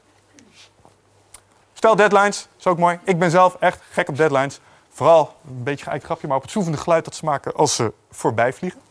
Ehm, maar het is wel zo dat als jij ergens in je agenda iets neerzet en hier moet het af zijn, dan gaan we daar op een of andere manier ook op bewegen. De truc is alleen dat je dat niet de dag ervoor moet proberen te doen, maar het een beetje moet uitsmeren over de periode ervoor. Dat helpt aanzienlijk met je cortisol. Ehm, en maak dus een roadmap. Dus zorg ervoor dat je daadwerkelijk een document gaat opstellen waarin je je verhaallijn eigenlijk in knipklare stukjes, korte termijn gewenste uitkomsten uiteenpelt en daarin neerzet. Een roadmap is eigenlijk een overzicht van je korte termijn gewenste uitkomsten en 1 tot 5 jaar doelstellingen. Dus waar wil ik over 5 jaar zijn? En vaak is dat op deze onderdelen: carrière, ondernemen, gezondheid, ontspanning, familie, kennis en zelfontplooiing. GTD gebruikt voor dat denken het volgende model: het 0 tot 50.000 feet model. En de analogie die het gebruikt is dat van een vliegtuig. Laten we er eens even vanuit gaan dat die training waar ik het eerder over had, van je doelen bepalen en dan ga je daar naartoe. Um, en dat dat dan niet zo goed lukt de volgende maandag. Dat heeft te maken met het feit, volgens GTD, dat je startbaan vol ligt. Leuk dat je vakantie wil, maar als er allemaal rommel op je startbaan ligt, ga je niet vliegen. En daar moet je grip op krijgen. Dus GTD zegt runway, dus startbaanniveau, dat zijn eigenlijk alle fysieke handelingen. Alle. Ongeacht bij welk project ze horen, gewoon dingen die moeten gebeuren. Belletjes, documentjes, mailtjes, afspraken, presentaties geven, maakt niet. Shit die gedaan moet worden. Dat is nul voet. 10.000 voet zijn je korte termijn gewenste uitkomsten. Dus je projecten, offertes, klant binnenhalen, nieuwe schoenen kopen. Dus 10.000 voet. 20.000 voet, en die is wel interessant, want daar vloeien je 10.000, je 10k-projecten vloeien uit voor. Dat zijn je verantwoordelijkheidsgebieden. En een verantwoordelijkheidsgebied is eigenlijk niet meer als iets waar jij vanuit je rol mee te maken hebt. Kijk, ik was unit manager en dat betekende dat ik te maken had met de verantwoordelijkheidsgebieden um, projectmanagement, acquisitie, HR en facturatie. Binnen die domeinen had ik projecten die ik moest uitvoeren. Dat was de afspraak die er waren. Stel ik zou vader zijn geweest, dan had ik er nog eentje bij, namelijk vaderschap. En thuis heb ik ook wel bepaalde verantwoordelijkheden. Snap je? En daar vloeien ook weer allerlei 10K's uit voor. Dus maak nou eens inzichtelijk voor jezelf in welke verantwoordelijkheidsgebieden jij opereert. Want op het moment dat je begint op te schrijven, kan het maar zo zijn dat je daar iets ziet staan waarvan je vindt, maar dit hoort helemaal niet bij mij. Dit zou iemand anders misschien wel moeten doen. Een niveautje hoger liggen je 1 tot 2 jaar doelstellingen. En dat zijn dus dingen die je concreet binnen 1 tot 2 jaar wil behalen. Vaak in het gebied van studie, carrière, persoonlijk, sportief, familie en kennis. Gewoon stip op de horizon. En daar weer boven ligt een 3 tot 5 jaar visie. Ik bedoel, het is leuk dat ik daar wil, maar ik weet dat ik grofweg daar naartoe wil. Ik wil zelfstandig ondernemer worden. Nou, dan is dat je 5 jaar visie. Daar wil je heen. En uiteindelijk dient het allemaal deze vraag. De 50k-vraag. Wat doen wij hier op deze planeet? Hoe ga ik mijn tijd hier vullen? Wat denk ik dat mijn ultieme doel hier is? En dat is een hele moeilijke. Dat weten de meeste mensen ook niet. En hier zou ik ook zeker niet beginnen, want ik ben al een tijdje met dit systeem bezig en ik heb het antwoord ook nog steeds niet gevonden. Um, maar gaandeweg krijg je wel steeds een beter beeld in welke richting het ongeveer zit. Dus we gaan die kant op, maar dat is volgens mij goed. Maar het geeft je wel een gevoel van voortgang en een gevoel van doel. En als je op die manier naar je um, projecten en je gewenste uitkomsten gaat kijken, kun je ze samensmeden tot een roadmap. Een roadmap is eigenlijk niet meer als een verzameling van je 40, 30 en 10 voets gezamenlijk. Je hebt nou een heleboel mooie plaatjes gezien, dus ik hoop dat dit niet anticlimactisch is. Maar um, dit is hoe dat er in de praktijk uitziet. Zo simpel kan het zijn. Het is een Excel-sheet. Iedereen kan dit ding deze week nog gemaakt hebben voor zichzelf. Het is niet heel moeilijk. Het is een, het is een verzameling kolommen. En wat doe ik hier? Over 2015, 17, 18, 19, 20 definieer ik een aantal mijlpalen voor mij. Ontleend uit mijn script. Van daar wil ik ongeveer uitkomen. En dit is wat de held zou doen. En dat vertaal ik echt naar hele concrete gewenste uitkomsten die dat dan vertalen. Stel je bent een zelfstandig ondernemer, dan moet je op een gegeven moment een website hebben. Nou, dan komt er een gewenste uitkomst bij. Website, productomschrijvingen. 10 klanten. Snap je? En die dingen die ga je allemaal voor jezelf wegzetten in de tijd.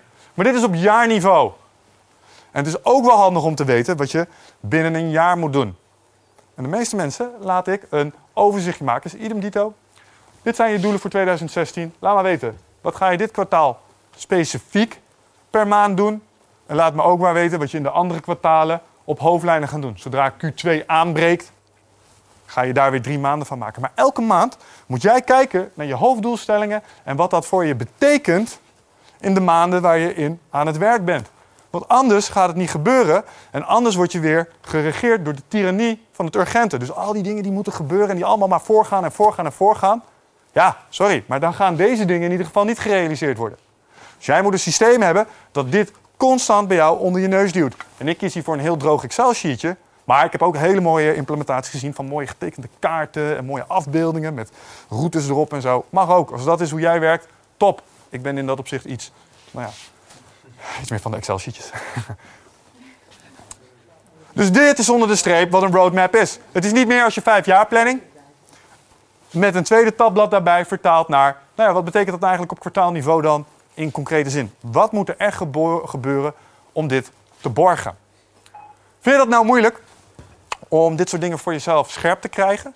Of om daar aan te beginnen van, ja maar ah, dat verhaal vind ik zo moeilijk. Dan gebruiken we deze nog wel eens. Dat is een beetje een cliché, maar hij werkt wel heel goed. Uh, en dan zeggen ze, ja, schrijf je eigen grafreden. Ik geef daar vaak even een draai aan mee en ik zeg dan liever... Uh, nee, niet de grafreden, dus niet als geest achter in de zaal gaan staan... en kijken wat die man over je te vertellen heeft. Na de begrafenis, na de uitvaart, ga je aan de tafel staan bij koffie... waar je vrienden staan. En dan ga je daar luisteren wat ze te vertellen. En de antwoorden op deze vragen die je daar hoort... dat zijn de belangrijke antwoorden. Hoe wil je herinnerd worden? Wat heb je bijgedragen? Aan het eind van de streep heeft niemand het over het feit dat jij supersnel was in offertes opleveren? Vinden ze niet interessant? Hij was zo goed in mailtjes sturen? Hebben ze het niet over? Alright. Dus dat over roadmaps.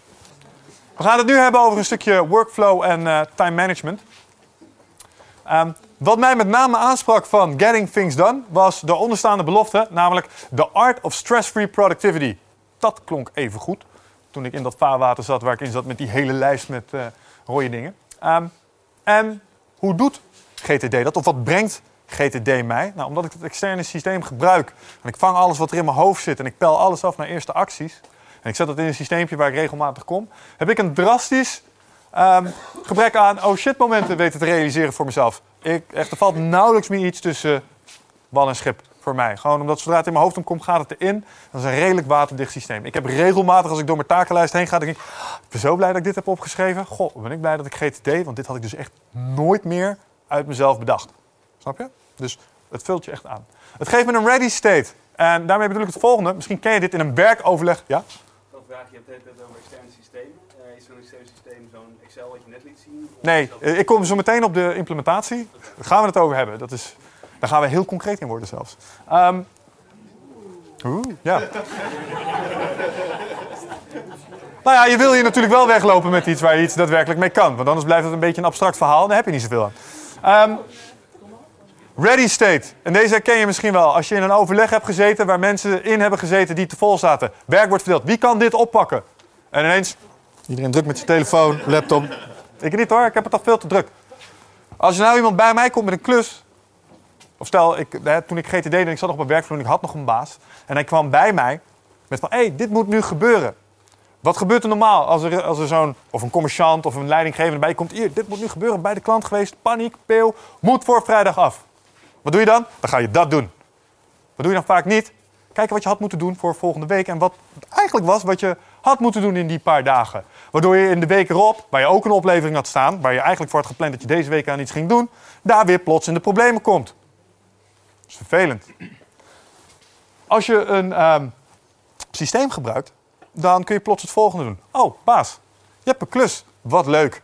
Um, ik ga even kijken. Ik denk dat de klus ongeveer zoveel tijd kost. Als ik kijk naar de bordjes die ik op dit moment in, mijn in de lucht hou, dan zijn dat deze. Jij herijkt zojuist mijn prioriteit om dit voor vrijdag te doen. Ik had dit ingepland staan voor vrijdag. Dat te maken met die deadline op dinsdag. Deze. Um, die ga ik nu niet halen. Dat is vervelend. We kunnen er twee dingen aan doen. Ehm, ik kan minder opleveren, dan red ik het wel. Moet jij even afstemmen met de klant. Of jij belt de klant dat het later wordt. Een van de twee. Maar dat kan ik dus omdat ik dat overzicht kan genereren. En daar wordt het ineens een stuk minder stressvol van. Want je kunt helder communiceren. Het geeft me meer creatief en probleemoplossend vermogen. Op het moment dat ik hier niet allerlei dingen probeer te onthouden. Kijk, ik weet redelijk zeker dat een heleboel van jullie hier in deze presentatie ondertussen ook bezig zijn geweest met allemaal dingen die je niet moest vergeten. Waarschijnlijk toen je dat lijstje met oh shit dingen zag, had je het liefst aantekeningen willen maken. Want er schoten allerlei dingen in je hoofd door. Van oh, dat moet ook nog en dat moet ook nog. En dat kost energie en aandacht. Toen ik begon met GTD'en, toen kreeg je echt een ongelofelijke hoeveelheid creatief en probleemoplossend vermogen bij. Omdat ik hier niet alles meer hoefde vast te houden. En dat was echt heel bevrijdend. Het is echt alsof er een rugzak werd leeggegooid. Ehm, ik kon dus proactief in plaats van reactief communiceren. Dus niet op die dinsdag dan kon zeggen, oh ja, dit had ik ook nog moeten doen en nu moet ik een klant teleurstellen. Dat resulteerde in minder stress en dat gaf mij weer het gevoel van momentum waar we het over hadden. Wat GTD, even een GTD-term, eigenlijk doet, is grip krijgen op je open loops. En wat zijn open loops? Dat zijn je 0 tot 50 voet doelstellingen waar we het over gehad hebben. Je stressoren, dus dingen waar je wakker van ligt, dingen die aandacht vragen. Eigenlijk alles waar je zelf mentaal aan gecommitteerd hebt. Wat aandacht vraagt en wat energie kost. Die dingen moet je vangen en op die dingen moet je gaan bewegen. En bewegen doe je door, dingen te doen. Ehm, we gaan even een, eh, een kleine oefening doen. Niet heel lang. Selecteer even iets in je hoofd. Gewoon een open loop. Iets waar je mee, iets waar je mee bezig bent. En doe daarmee het volgende. Omschrijf voor jezelf even in je hoofd in één zin de gewenste uitkomst die de loop als afgerond zou bestempelen. Dus klant heeft getekend, offerte is binnen, zoiets. En schrijf vervolgens, of bedenk nu even vervolgens, de eerste twee tot drie fysieke handelingen op die ervoor zouden zorgen dat je hierop gaat bewegen. Dus dat je deze uitkomst gaat realiseren. En vaak zijn dat een beetje van dit soort dingen. Zit jij eh, vaak in je hoofd? Eh, neem je heel veel informatie tot je video's, podcasts, boeken? Eh, nou, voel je niet schuldig, dat doen heel veel mensen natuurlijk. hè, maar vaak zijn we op zoek naar antwoorden. Ehm, gaan we nog meer informatie tot ons nemen. Terwijl ja, de antwoorden liggen toch echt in onszelf. En dat is iets wat we voelen met ons lichaam. Maar vaak zijn we zo erg in ons hoofd bezig ja, dat we dat ook niet meer, dat we daar niet meer echt goed bij kunnen. En dat is graag waar ik je voor uit wil nodigen. Voor Rite of Passage. 24, 25 en 26 mei is er weer een nieuwe editie. Voor mijn retreat voor persoonlijke ontwikkeling. Waarbij het thema echt is om uit het hoofd te komen in dat lichaam. Want dat is waar je alles ervaart. En ik wil dat je gewoon weer in contact komt met, met die, die intuïtie. Ehm, en dan gewoon een heel sterk eh, innerlijk kompas. Dat je gewoon weer weet waar je naartoe moet. Wat je te doen staat. En dat je gewoon weer helderheid hebt over wat je wilt en hoe dat je dat gaat doen.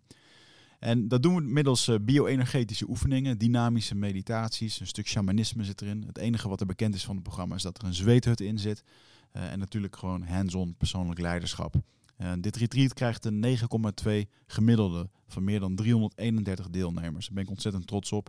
Sterker nog, er is ook een money back guarantee. Vind je niks na drie dagen, krijg je gewoon je geld terug. Dus het enige risico dat je loopt, is dat je gelukkiger wordt. Klinkt dit als iets voor jou en durf je het aan? Dan zie ik je op Ride of Passage. Ga naar wichertmeerman.nl en klik op Retreat. Ja, is dat gelukt? Mooi. Van harte. Je hebt zojuist genatural planned. Dit is hoe wij problemen oplossen als mensen, toch? We bedenken wat we willen, we definiëren een uitkomst en we gaan acties bedenken die er mee te maken hebben. Maar wat zijn GTD? Misschien zijn er nog een aantal dingen die je daaraan kan toevoegen op het moment dat je nadenkt over je gewenste uitkomst. En een van die dingen is de waarom-vraag. Erg belangrijk, niet altijd, maar bij een boekproject kan dat heel erg helpen. Waarom doe ik iets? Want er zijn dingen die je moet doen waar je misschien niet noodzakelijk zin in hebt. Maar als je snapt waarom het moet gebeuren, dan is het plots een stuk beter te doen. Laten we het even illustreren met een voorbeeld vanuit de sport. Wie hier zegt Benendag iets? Benendag, een paar mensen. Ja. Waarom is Benendag niet leuk? De dag daarna, nou als je het goed doet, ook op het moment zelf. Duizelig, misselijk, soms over je nek en inderdaad een ongelooflijke spierpijn de dag erna. Ehm, waarom is dat? Benen zijn de grootste spieren van je lichaam. Dus daar kun je het meest mee verstoren. Als je traint, probeer je je lijf te verstoren zodat het gaat reageren om het sterker te maken. Train jij je benen, verstoor je veel. Is dat heel erg leuk om te doen? Nee. Maar als het past in je doelstelling, namelijk 180 kilo van de grond willen krijgen, dan is benendag plots heel belangrijk. Want die hormonale prikkel, die je krijgt van het zeg maar, trainen van je benen, heeft ook effect op bijvoorbeeld hoe sterk je bent in je armen of hoe sterk je bent in je borst. Dus dit trainen kan me hier sterker maken. Oh, oké. En als mijn doel is om hier zwaar gewicht mee te verplaatsen, dan is dat benen trainen plots heel handig om te doen. Dus door maar te vragen, maar waarom train ik benen nou eigenlijk? Nou, om die en die reden. Oké, ik heb misschien niet zo'n zin in benen trainen, maar ik ga het toch doen. Dus die waarom-vraag is belangrijk. Wat ook belangrijk is, is de wat-vraag. Maar als we dat doen, wat is het dan precies? Want niet altijd worden hier, uh, wordt het hier voorgesteld als het een succes is voor alle stakeholders. Voorbeeld van een offerte. Als ik zeg, mijn gewenste uitkomst is een getekende offerte. Nou, dat is een gewenste uitkomst. Mooi. Maar stel ik ga iets verder. Ik denk, maar wat nou als het een groot succes zou zijn voor alle stakeholders? Zitten hier commercianten in de zaal, jongens in het buitenveld? Je hand? Mooi. Zitten hier ontwikkelaars in de zaal? Mensen die het toe moeten waarmaken? Top. Zijn er wel eens discrepanties in afstemming tussen die twee kampen? Nee, hè? Nooit. Kennen we niet. Ze zitten ook echt in twee hoeken van de zaal. niet gooien met dingen. Ehm, kijk, wat GTD mij leerde, en waar ik ook wel stress van had achteraf, was goed nadenken over wat het een succes maakt voor iedereen die betrokken is. Want er is een verschil tussen een offerte en een getekende offerte met een gezonde marge, intern draagvlak, op zowel operationeel als bestuurlijk niveau. Dit suggereert aanzienlijk meer als het bovenste. Dat bovenste is niet zo lastig. Dat is een documentje opstellen met een interessante prijs, over de schutting mieteren en dan de krabbel halen. Een beetje commerciant krijgt dat wel voor elkaar. Het is alleen het afstemmen met het team. Wanneer kan het geregeld zijn? Welke scope dan? Met welke deadline? Welke toezeggingen kan ik doen? Zitten ze boven in de boom? Zitten ze hier ook op te wachten op deze productkeuzes? Om dat allemaal geborgd te krijgen, dat suggereert iets meer. En daar komen dus ook meer acties uit. Dit is mailen documentje. Dit is afspraken maken, presentaties voorbereiden en een goed verhaal hebben. Snappen we dat? Dus door eens na te denken over het, maar wat dan? Komen er plots allerlei dingen bij die we ook moeten doen om het wel een succes te maken. Want dit heeft mij regelmatig in de problemen gebracht. Ik diep ook in het veld en dan had ik een mooie deal binnengehaald. En dan kwam, ik bij het, kwam de klant al bij, bij wijze spreken bij het team. En dan had ik even later een boze scrum master in mijn nek. Van, ja, dit gaat allemaal niet werken. Nou, stressvol, dus denk na over de wat-vraag. Vervolgens de GTD. Ehm, als je dan aan het nadenken bent over je gewenste uitkomst, gebruik dan iets van brainstormen. En Brainstormen kun je doen middels mindmappen. Nou, ik weet niet of je wel eens hebt gemindmapped. Het is niet heel moeilijk. Het is gewoon lijstjes maken met dingen die bij je opkomen op het moment dat je aan een bepaald onderwerp denkt. Dus ik zeg vakantie 2016, maak maar een mindmap. Nou, dan ga je keurig allerlei dingetjes opschrijven. Alleen de truc is met mindmappen en brainstormen is dat mensen het vaak in één keer proberen te doen. Bijvoorbeeld de outline van een businessplan, gaan ze brainstormen. En zijn ze een uur lang zijn ze echt heel hard aan het nadenken. En op een gegeven moment komt er niks meer uit. Zijn ze leeg en nou goed. Brainstormen, uh, zoals ik het doe, is iets anders. Ik doe het steeds in sprintjes van vijf minuten. Ik maak hier gebruik van. Distributed cognition. Um, ontwikkelaars in de zaal, knik maar even ja als ik dit zeg. Um, het fenomeen dat als je aan het code bent, je bent bezig met een stukje code, functie, en het wil niet. Het lukt niet. Ik krijg het niet voor elkaar, er zit hier iets in en ik kan het nu even niet vinden. Bug, fout, geen idee. Je gaat naar bed, je wordt de volgende ochtend wakker Regel 89, punt vergeten. Ik ben zo'n idioot. Je rent naar je pc, je zet het aan en hé, hey, het doet het gewoon. Wat is dat? Herkenbaar of niet? We het vast wel gehad als ontwikkelaars, toch? Tuurlijk. Ik was niet echt ontwikkelaar trouwens. Hè. Ik was een, uh, een webapp, dus ik deed HTML en dat soort dingen. is niet echt programmeren, weet ik ook wel. Maar daar liep je er ook wel eens tegenaan. Um, dus distributed cognition. Wat, wat doe je? Hoe kun je dat gebruiken? Nou, als jij aan het mindmappen bent en je bent outline's aan het maken... Maak maar één, vijf minuten. Gewoon alles wat, je, wat er hier opkomt, leg maar neer. Ga weg, ga iets anders doen. Pak een andere klus op, kom een uurtje later terug en merk dat je zo weer, pup, pup, pup, je gooit er zo weer een paar uit. Je onderbewustzijn heeft ondertussen nagedacht over het probleem. En dat geeft jou tijd. Dus je kunt een soort van dual tasken, misschien toch wel een beetje, um, waarbij problemen een soort van rijpen in je hoofd. Het is aanzienlijk eenvoudiger om dat soort mindmaps uit je kop te krijgen door dit te gebruiken. Dus door niet twee uur te ploeteren, telkens maar uitproberen te trekken. Werkt niet. Doe het gewoon verdeeld over steeds vijf minuutjes. Je zult zien dat je redelijk effortloos zo'n mindmap eruit krijgt. Nou, zo'n mindmap moet je vervolgens organiseren. Dus je kunt binnen je mindmap kun je nadenken: oh, maar dit valt onder dat onderdeel. Of chronologisch kun je er misschien iets mee. Maar waar het echt om gaat bij GTD is dit: namelijk de volgende acties bepalen. Dit is waar voortgang woont. En deze hele presentatie als het goed is één grote open deurenparade, want dit had je zelf ook wel kunnen bedenken. Maar dit is dus echt de kern. Bedenken wat er moet gebeuren. Is er iets wat iemand kan doen om voortgang te boeken op dit project? En dan komen we eigenlijk bij de next action mindset.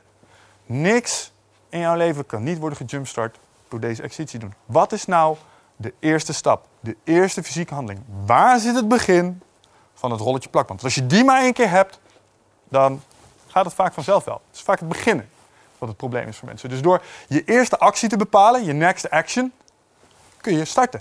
En vaak als je die doet, gaat het al een stuk beter. Want hoe eet je een olifant? Eén hapje tegelijk.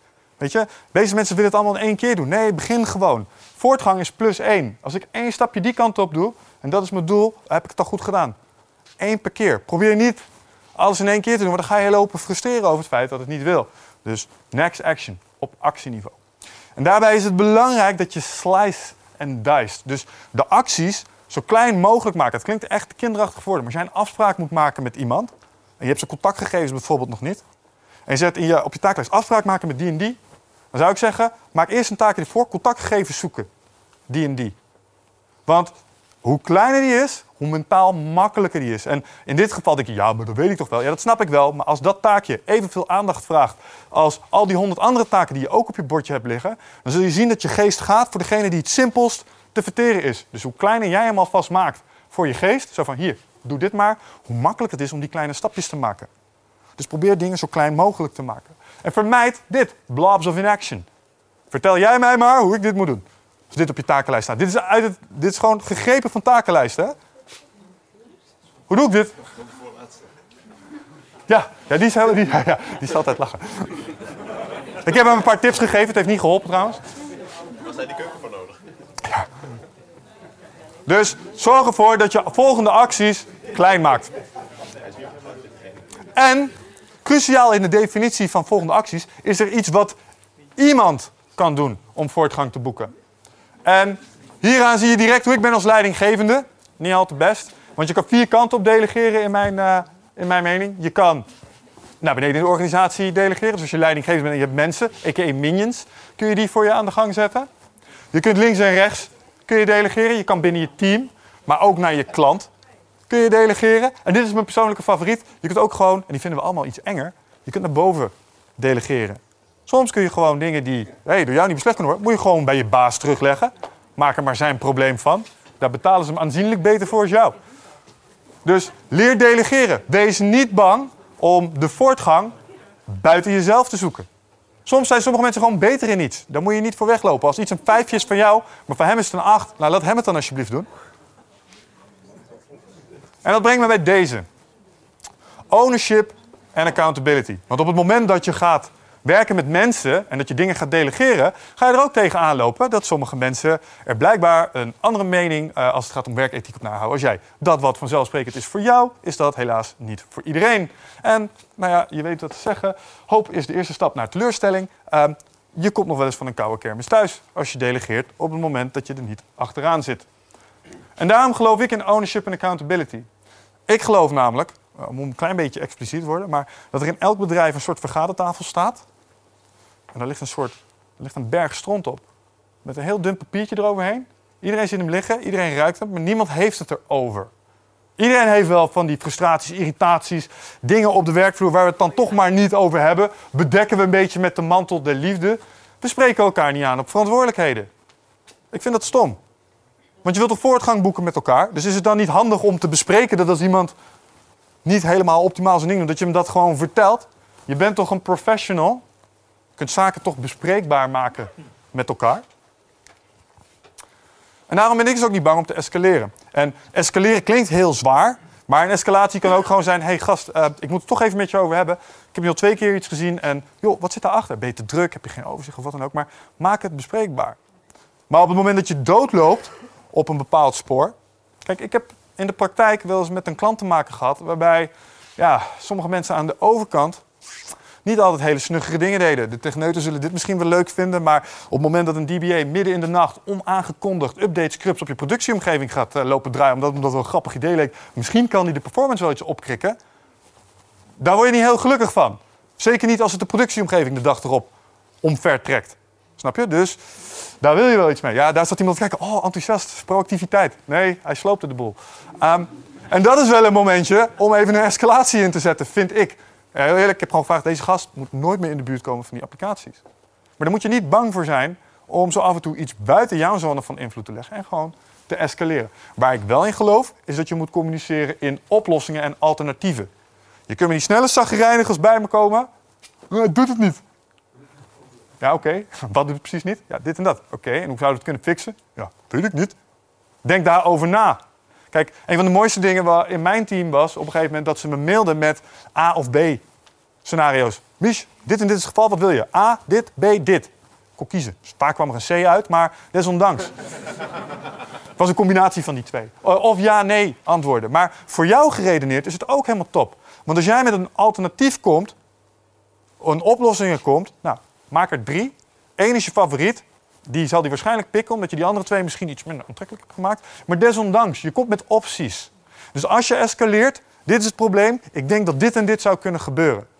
Dat vind ik dan wel weer noodzakelijk. Dus als je aan de bel trekt, doe dat dan ook constructief en oplossingsgericht. En niet alleen maar klagend. Trouble seeker of solution seeker? Trouble seekers, ik heb er niet zoveel mee. Ik heb liever mensen die in oplossingen denken. Want het gaat om voortgang. Goed.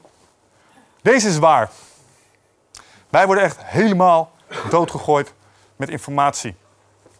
En het is best moeilijk om in al die informatie zo af en toe de krent eruit te pikken. Uit al jouw mails zijn een aantal echt heel belangrijk. Maar soms zit ze een beetje verstopt tussen alle andere mailtjes die je krijgt.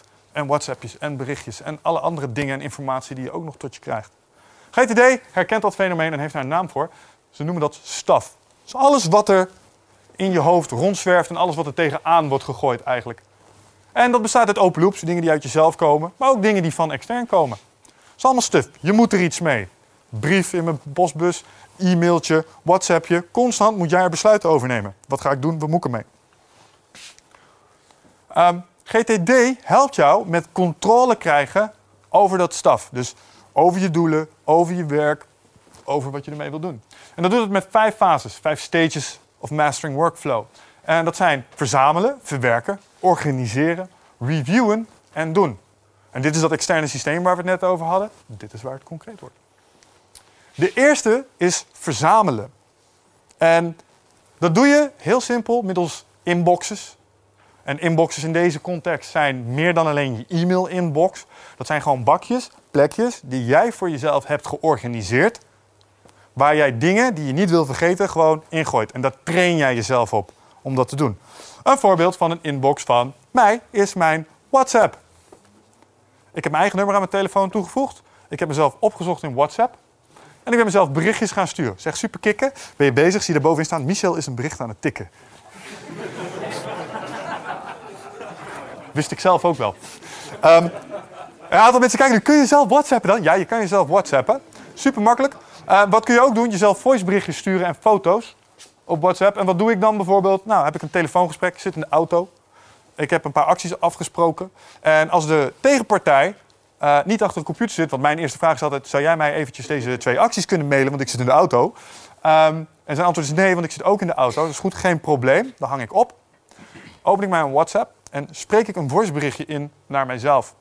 En elke avond maak ik mijn WhatsApp en mijn eigen inboxje naar mezelf maak ik leeg. En daar haal ik regelmatig dingen uit waarvan ik denk, oh ja, echt goed dat ik dit heb ingesproken zeg, want dit was ik echt glad vergeten altijd. Want als wij elkaar aan de lijn hebben gehad in de auto, voor ik bij de volgende benzinestation ben, ben ik echt alweer vergeten waar we nou precies hebben afgesproken. Ik gooi dat zo snel mogelijk in mijn inbox. En stel ik hou het wel vast tot mijn volgende afspraak, dan gaat die afspraak het alweer overschrijven en dan ben ik het daarna wel vergeten. Dus ik moet het op plekken gaan toevertrouwen waarvan ik zeker weet dat ik er kom. En daar verzamel ik alles waarvan ik denk dat het belangrijk is. En hoe ziet dat eruit? Nou, ik heb één centrale takenlijst. Dat noem ik de masterlist. Daar komt uiteindelijk alles terecht. Met een paar spelregeltjes. En die spelregeltjes die ga ik je zo vertellen. Maar ik heb een paar plekjes waar stuff binnen kan komen bij mij. Nou, mijn smartphone, Dat is redelijk duidelijk. Facebook, WhatsApp, telefoon, de hele rambam. E-mail inbox, die ik ook op mijn smartphone kan lezen uiteraard, maar daar komt ook een boel binnen. Aantekeningen. Merendeel van je werk komt waarschijnlijk uit overleg. Maak aantekeningen. Zorg dat je al je acties, alles wat je wil bereiken, dat je dat gewoon goed opschrijft en dat je die aantekeningen ook regelmatig weer de review laat passeren. Die acties moet je eruit halen en op die masterlist zien te krijgen. We ontkomen ook niet helemaal aan fysieke postvakjes nog. In de contexten waar ik opereer, bijvoorbeeld bij Saxion waar ik zit, eh, maar ook op de sportschool waar ik les geef, eh, hebben we gewoon een postvak. Daar kan soms een envelop in zitten. Ja, het is nog een beetje ouderwets, maar je hebt ermee te maken nog.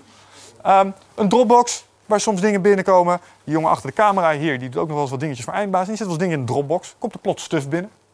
Ehm, en mijn agenda, gewoon agenda-afspraken die binnenkomen. Dus vanuit die inboxjes komen plots allemaal dingetjes komen naar binnen. En daar moet ik een besluit over nemen. Voordat we naar die spelregels gaan, even over de belangrijkste ehm, inbox. E-mail. Dat heel mooi. E-mailen voelt productief, niet waar? Oh, lekker, de hele inbox aan de kant. Fijn. Iedereen gemaild, iedereen weet weer overal alles vanaf. Helaas, elke gestuurde mail genereert er ongeveer 1,7. Dat betekent dat elk mailtje dat jij eruit stuurt, genereert werk. En dat komt heel vaak omdat mail wordt gebruikt om te communiceren en niet om te informeren. En daar gaan we het zo nog eventjes over hebben. Maar het belangrijkste voor jou is dat je e-mailmonster leert temmen. Wie hier heeft de hele dag zijn e-mail aanstaan? Is heel schijnend, ja. Stelletje idioten. Hoe afleidend is dat? Zit je in een document, komt er weer zo'n blauwe notificatie binnen. Oeh, even kijken. Nee, niet slim. Um, als jij je e-mailmonster een beetje wilt temmen en jij wil daadwerkelijk aan de productjes werken waar jij mee bezig hoort te zijn, de documentjes, de Excel-sheets, de presentaties, dan zet je je mail gewoon uit. En dan verwerk je je mail in sprintjes. Ik mag ochtends een uurtje mailen van mezelf, smiddags een uurtje mailen en aan het eind van de dag. En in de tussentijd probeer ik gewoon shit voor elkaar te krijgen. En als ik in het shit voor elkaar krijgen, dus af en toe even mijn e-mail nodig heb, dan is het niet anders. Maar ik ga niet in de valkuil trappen om dan toch snel even te kijken wat er nog meer tussen staat. Snap je? Dat is een stukje discipline wat je moet hebben. Maar e-mails kosten veel energie. En waarom is dat? Omdat e-mails vaak over al je projecten heen gaan. En dan moeten we even terugvallen op dat stukje evolutionaire bagage. Jij bent niet zo heel complex gebouwd in je hersenen. Jij kan echt maar één ding tegelijk. Dus op het moment dat ik dit probleem aan het oplossen ben, dan laat ik alle relevante informatie in. Ik los het probleem op en ik ga naar het volgende probleem. Oh, nieuw probleem. Alles eruit, alles er weer in. Hup, hup, hup, hup, oplossen. Volgende, alles, er, alles erin. Toch even terug naar die. Fuck, dan moet ik het weer dumpen, moet ik het weer inladen. Snap je? Dus mailtjes gaat overal overheen. En kosten daarom veel energie. Daarom neem ik altijd pauze naar een e-mail sprintje. Je merkt dat ah, als je goed gemaild hebt en je hebt echt aandachtig erachter gezeten, ben je gewoon moe. Ook belangrijk is niet onmiddellijk reageren. Serieus, als jij naast me zit op kantoor en er is een, een soort groepsmail uitgegaan. En jij bent degene die zegt, oh, dankjewel, weet je wel, reply to all. Sla je neer met een stuk hout. Konk. Reageer niet onmiddellijk. Dat is onzin. Wat heb je eraan? Het kost alleen maar tijd. Ja?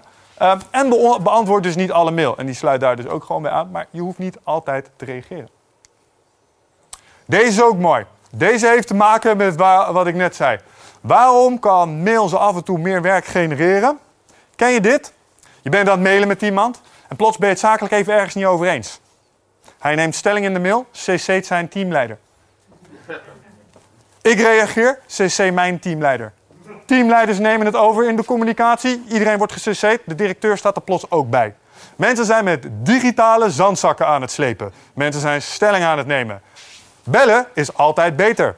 Ik heb letterlijk meegemaakt dat ik een keer een mail kreeg van een projectleider aan de overkant. Dat was de GGD Den Haag, was een formele club. Ze dreigden met ingebrekenstellingen en zo. Dat is allemaal gelukkig niet gebeurd. Maar hij stuurde me een mail. Echt waar, bloeddruk, pam. Direct helemaal in het rood. Ik was echt, echt kwaad. Echt kwaad. Want ik las en ik dacht. En op dat moment ging mijn telefoon. En hij was het. Oh, mooi, fijn. Die gast ga ik eens even zijn broek opknippen. Met Michel. En ik hoor aan de andere kant, ik hoor hem even stil. Dus ik hoor hem zo. Je zult wel een hekel aan me hebben nu, hè? En met dat hij dat zei. Oeh, ah, er zit hier een mens aan de andere kant. En die snapt wel wat hij doet. En als hij me dit verhaal had verteld. terwijl hij mij in mijn gezicht had gekeken. was ik nooit zo boos geworden. Wat was hij aan het doen? Hij was aan het communiceren met mij. Er lag emotie en lading en in tekst. Wie hier heeft wel eens gedonder gehad met zijn partner om een WhatsAppje waar die niet de juiste toon hoorde die jij bedoelde? Weet je wel? Nee, schat, dat echt niet wat ik bedoel. Ah, nou ja, te laat. Dat. Dat gebeurt ook met mail. En er is één directeur, dat weet ik echt zeker, die heeft mij dit altijd proberen te vertellen. En die zou het zo mooi vinden als hij mij dit nu hoort herhalen. Maar bellen is altijd beter. Waarom? Dan leg je er al een beetje non-verbale communicatie in. Dus als jij moet kiezen tussen communiceren via mail of telefoon, pak alsjeblieft even de telefoon. Dat scheelt je echt een boel stress. Want als die stellingnames beginnen, heb je zo'n mail zitten tikken zo, weet je wel, dat je echt gewoon je bloeddruk voelde stijgen. Kost tijd, man. Bel op. is veel beter. is ook voor je relatie beter. Maar dus mail. Let erop. Dit zijn de spelregels. Als je GT deed. Dit is het protocol. Als een stuff binnenkomt vanuit je inboxes of vanuit je kop, dan stel jij altijd onmiddellijk de volgende vraag: Is dit actionable? En jouw favoriete antwoord, omdat we allemaal heel druk zijn, is nee. En dan hebben we drie opties. Het liefst zouden we zo min mogelijk werken bij krijgen, toch? Alleen de dingen die er echt toe doen. Dus we proberen zoveel mogelijk eigenlijk hierin te krijgen, in de trash. Want als ik er echt niks mee wil, ik heb hier een brochure gekregen, of ik heb een mailtje gekregen, of ik Viagra wil kopen. Nee. Ehm, dus het gaat naar de trash. Ik krijg een mailtje met een link naar een podcast of een film die ik nog een keer moet kijken. Of een documentaire die ik nog een keer moet kijken. Of een boek dat ik nog een keer moet lezen. Of wat het ook maar is. Ik heb er nu niet zozeer, zozeer tijd voor. Ik ga hem ook niet weggooien. Ik zet hem op een someday maybe list. En dat zijn gewoon lijstjes met boeken, films, vakantiebestemmingen, dingen waarvan ik denk, ja, wil ik niet vergeten, wil ik er nog even inzetten. Dit staat gewoon in je master task list. Het is niet zo moeilijk, is gewoon, hup, deze boekjes. Of iets is referentie. Als ik vanuit mijn oude rol een uh, WDSL gemaild kreeg van een webservice, was dat voor mij niet bijzonder actionable. Maar ik werkte samen met ontwikkelaars waarvan ik redelijk zeker wist dat ze dat ding misschien nog wel eens nodig zouden kunnen hebben. Op dat moment bewaar ik hem. Reference, handleidingen. Bij mannen lezen ze niet, maar we hebben er wel bakken vol van. Iedereen heeft zo'n doosje waarschijnlijk in zijn kast wel staan waar een paar van die handleidingen in liggen. Maar dat is wat het is, reference. Je bewaart het. Deze sheets worden hopelijk voor jullie reference. Iets waarvan ik, oh, kan wel eens handig zijn. Ik hoef het niet dagelijks te openen, maar ik bewaar ze toch maar even. Ja? Dus de eerste keuze is, is het actionable? Nee, dat is het niet. Nou, mooi. Dan kan het in één van deze drie categorieën vallen. En als het reference is, is het gewoon een kwestie van opslaan. Hè? Of de mail archiveren, of het ergens in je Dropbox zetten als het te groot is om te archiveren in je mail. Een ander antwoord kan zijn, ja, het is zeker actionable. En dat is even waar het GTD-spelletje met projecten gaat spelen. Als er plots meerdere acties uit wegkomen, heb je het eigenlijk gewoon over een project. Als jij een mail krijgt van iemand, hey, ga je mee, of, uh, we gaan op deze beurs staan, lijkt je dat een goed idee? Uh, en het antwoord is, ja, hier moeten we iets mee. We gaan op een beurs staan. Ja, dat is niet maar even één actie, dat is gewoon een project. Dus moet je een projectplannetje gaan maken. Natural planning. Waarom? Wat? Volgende acties. En vervolgens in je takenlijst zetten. De volgende is heel belangrijk bij GTD. Dat is de two-minute rule. Als jij een taak tegenkomt en die is actionable, en hij kan in minder als twee minuten. Kijk, naar een beurs gaan kan niet in minder als twee minuten. Um, maar als ik een brief krijg uh, en ik lees hem en ik kan hem vervolgens even archiveren in mijn mappen, um, dan kan dat in minder dan twee minuten. En dan moet je het dus direct doen. Waarom? Doe je het niet, genereer je overhead. Voorbeeld van die brief, ik krijg een brief van de Belastingdienst. Uh, eigenlijk nu niet meer, maar ik kreeg vroeger brieven van de Belastingdienst. En uh, dan las ik die en dan dacht ik, oké, dat is geinig. Uh, en deze moet ik dan eigenlijk archiveren. En wat ik dan deed, dan legde ik hem op een stapeltje. En dan legde ik meer op en dan legde ik dat stapeltje in de kast. En iedereen heeft zo'n stapeltje met van die dingen waar ze nog wat mee moeten. En dan twee maanden later, dan haalde ik die veel grotere stapel uit de kast. En dan ging ik daar weer mee aan de slag. Met het gevolg dat ik diezelfde brief nog een keer aan het lezen was en hetzelfde besluitvormingsproces nog een keer aan het doen was. Dus ik heb er twee keer tijd aan gespendeerd. En dan denk je, maar dat is nog maar één brief. Dat is wel één keer een minuutje. Ja, dat weet ik wel. Maar als je dat met al de brieven en alle andere dingen in je leven doet, die minuutjes tellen op, hè, dan wordt het op een gegeven moment een heleboel. En dat is zonde. Dus kan het in minder dan twee minuten, doe het dan gewoon. En dat ziet er zo uit in de workflow. Ga jij uiteindelijk GTD'en, dan is het vanuit het verzamelen wel makkelijk om dat één keer een keer goed te doen. Kijk, je houdt het systeem natuurlijk iteratief bij.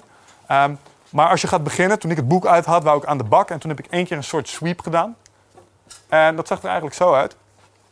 Kijk, je weet nu dat uh, als het niet actionable is, moet het naar trash. eh, hoe heet dat, someday maybe of eh, naar reference. En als het wel zo is en dat kan binnen twee minuten doen, of anders moet het op de lijst komen. En als je gaat beginnen, ga je beginnen met je lijst door je open loops te verzamelen. Dus als jij een scan aan het doen bent, kijk, ten eerste maak je hoofd leeg. Maar als je je hoofd op een gegeven moment leeg hebt, garandeer je, als jij door je huis of door je kantoor gaat lopen, of misschien als je nog op school zit, of zelfs je auto, en je gaat gewoon, je gaat kijken wat er allemaal ligt en je denkt, ja maar hey, dat dan, en dat, hé, hey, daar ligt nog een boek, dat moet nog weg, dat is niet van mij. Dat boek heb ik gelezen, Eh, die auteur heeft nog een boek, daar moet ik iets mee.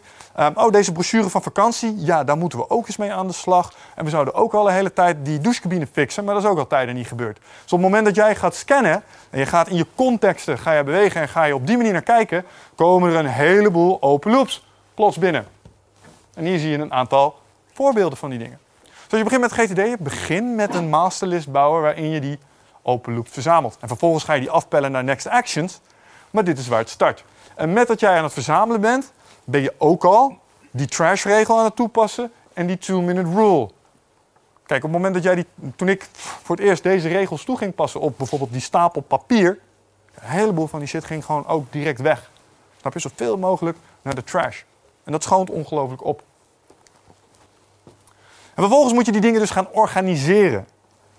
Het moet allemaal uit je hoofd. En hoe doe je dat dan? Nou, je hebt projectlijsten. Dat is eigenlijk een verzameling van alle gewenste uitkomsten onder elkaar. Met hun gewenste acties. Projectmateriaal, dus alles waarvan je denkt, hm, je hebt het nog nodig. De WDSL's, de code, moet georganiseerd zijn. En volgende acties, georganiseerd op basis van context en tags. En met tags bedoel ik eigenlijk gewoon namen.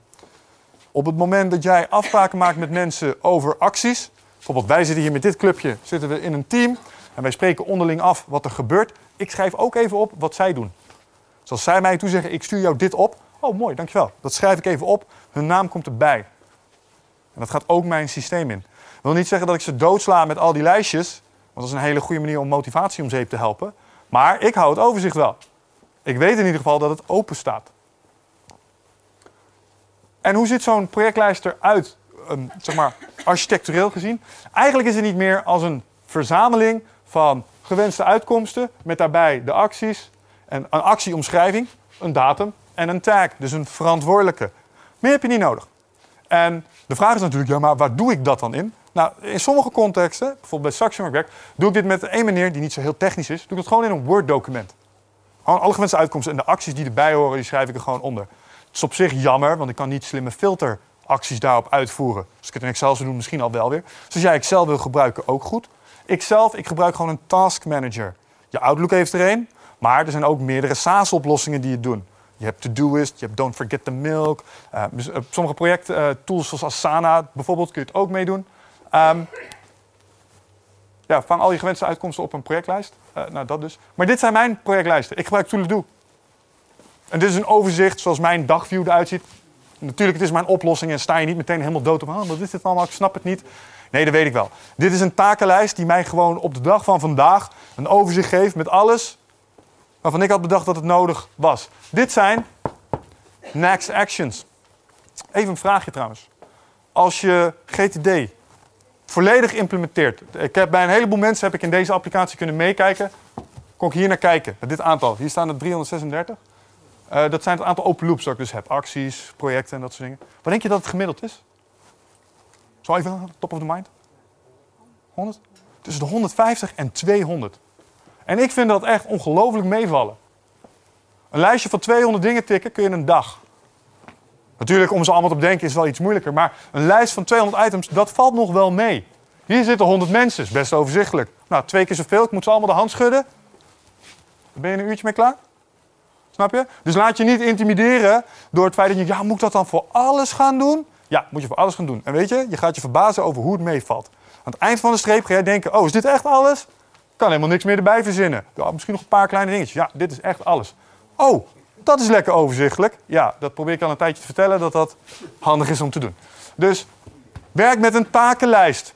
En welke oplossing jij kiest, is mij om het even. Zolang je maar die inrichting, die ik je net liet zien, deze erop kan toepassen. En dit kan Excel, dit kan Todoist, dit kan Toledo. Maar middels die spelregels komen ze dus hier terecht. Dit zijn next actions. Die horen bij projecten. Dit zijn gewoon projecten. Ik kan deze view uitklappen en dan komen hier allemaal next actions onderweg. En wat ik vervolgens nog heb gedaan in dit, deze oplossing is, ik heb het een beetje georganiseerd op toen de tijd nog Topicus, Privé, Nutrofit en PTMD projecten. Dus hier zitten allemaal individuele projectjes in, omdat die erbij horen. En dit geeft mij, deze, dit soort oplossingen, geven mij ook de mogelijkheid om bijvoorbeeld allerlei interessante dwarsdoorsneden eruit te halen. Ik kan bijvoorbeeld van, ik had altijd een, eh, eh, een collega, Vincent, hij en ik werkten heel veel samen. En als ik dan met Vincent een overleg had, kon ik zo even van tevoren, kon ik even alle dingen die Vincent op zijn bordje had liggen, kon ik even ophalen. En dan ging ik gewoon eventjes kijken en dacht ik, oh ja, hier moet ik hem nog even vragen, daar moet ik hem nog even naar vragen. Soms gingen we ook gewoon met z'n tweeën even achter de lijst zitten, namen hem even door. Maar door dit overzicht te kunnen ophoesten, heb ik echt op een heleboel momenten de beschikking gehad over de informatie die ik op dat moment nodig had om de volgende stap te maken. Dus omdat het in dat externe systeem zat en ik niet uit mijn geheugen hoefde te lepelen, kon ik altijd gewoon voortgang boeken. Nou, kan het dus in minder dan twee minuten doen. Kan dat niet, dan was mijn favoriete eerste keuze altijd delegeren. Oh, dit duurt langer dan twee minuten. Dit moet iemand anders doen. Ehm, of ik moet het deferren. En dat betekent eigenlijk zoveel als het moet of op mijn agenda komen te staan of op mijn next actions. Hierbij heb ik een tip, of eigenlijk een regel. Als jij een taak op je takenlijst zet en die taak duurt langer dan een uur, bijvoorbeeld presentatie voor preppen, dan komt die in je agenda. Jij vindt nergens meer zomaar even een uurtje tussendoor. Je moet allokeren. De truc van voortgang is allocatie. En um, een van de trucjes waar je dus, nou, daar hebben we het zo wel even over. Uh, maar er zit een fenomeentje met uh, de allocatie van je eigen tijd, die jullie waarschijnlijk allemaal wel zullen herkennen. En daar moet je dus niet in trappen. Uh, maar eerst even deze: aantekeningen en acties. Ik zei het net al. Zorg ervoor dat je niet op je geheugen vertrouwt. Elk overleg waar ik in ga, maak ik aantekeningen. En ik noteer wie wat aanlevert, als het bij mijn voortgang hoort. En ik noteer altijd de bezwaren, want dat is de shit die als je weer terug bent, moet oplossen vaak genoeg gehad dat junioren op pad gingen. Kwamen ze terug, ja, ze waren het niet helemaal mee eens. Waar precies niet mee dan? Ja, dat hebben we niet helemaal... En dan moet je het weer opnieuw ophalen. Dus zorg ervoor dat je compleet bent in je aantekeningen. En, dit is een van mijn favorieten. Beperk overleg en zorg dat je een agenda hebt. Veel bedrijven waar ik kom, zie ik echt zoveel overleg om niets. Echt oeverloos gezwam. Wat doen jullie hier? Zijn jullie, elkaar, zijn jullie hier besluiten aan het nemen of zijn jullie elkaar lekker aan het informeren? Als het dat laatste is, moet je afvragen of het overleg nog nodig is. Vind ik. Maar bereid je overleg ook voor. Ik ga elk overleg waar ik in zit, ga ik in met een agenda. Ik heb gewoon even een mindmapje gemaakt. Ik heb je net verteld hoe ik dat doe. In 10 minuutjes produceer ik een agenda. En vaak als ik een overlegging kom, ben ik de enige met de agenda. En dat betekent vaak ook dat ik meteen de voorzitter ben. Dat is fijn, want mijn voortgang wordt wel geboekt in dat overleg. Of jij hetzelfde kunt zeggen, weet ik niet, want jij hebt je niet voorbereid. En ik vind eigenlijk dat iedereen zich moet voorbereiden. Want je zit elkaars tijd te verdoen. Als jij ter plekke nog mijn documenten moet gaan zitten lezen, dan plannen we een nieuwe afspraak. Dan heb ik wel iets beters te doen. Dus niet lullen, maar poetsen. Ook belangrijk is maak besluitvorming actiegericht. Zorg ervoor dat je altijd met besluiten wegloopt. Kan je besluit niet nemen, escaleer het naar de mensen die het wel kunnen. Je wil voortgang. Ook belangrijk bij GTD, dus de vierde fase. En dat is het reviewen van het systeem. Want GTD is hartstikke mooi, maar het is een klein beetje als diëten. Um, als je het niet echt gebruikt, dan weet je lichaam dat wel. Als jij zegt, ik ben lekker aan het lijnen, maar je staat wel midden in de nacht pizza's in je hoofd te duwen, werkt het niet. GTD net zo. Als jij één keer zo'n mooi lijstje hebt gemaakt en vervolgens kijk je er twee weken niet naar om, ga je niet al die voordelen krijgen waar ik het er straks over had. Echt niet. Dus je moet het bijhouden.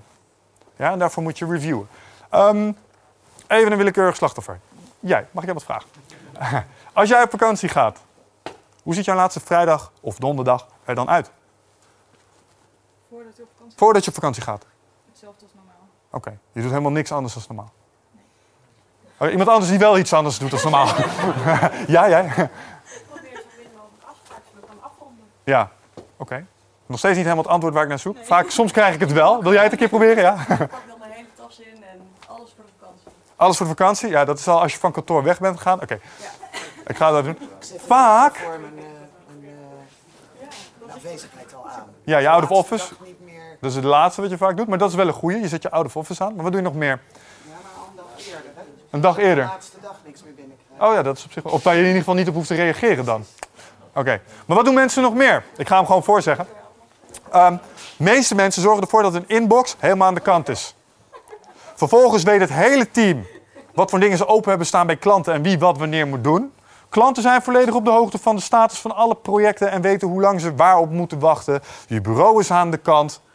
Toch? En je hebt iedereen nog even gedag gezegd. Dat is een beetje hoe een standaard afronding op een werkvloer eruit ziet. Toch? Voor je vakantie. Of zeg ik nou iets heel raars?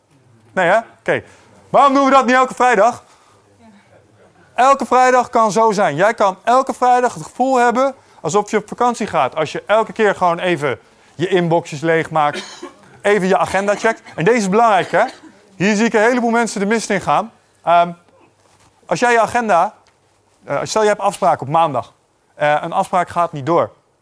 En je zit op je vrijdag.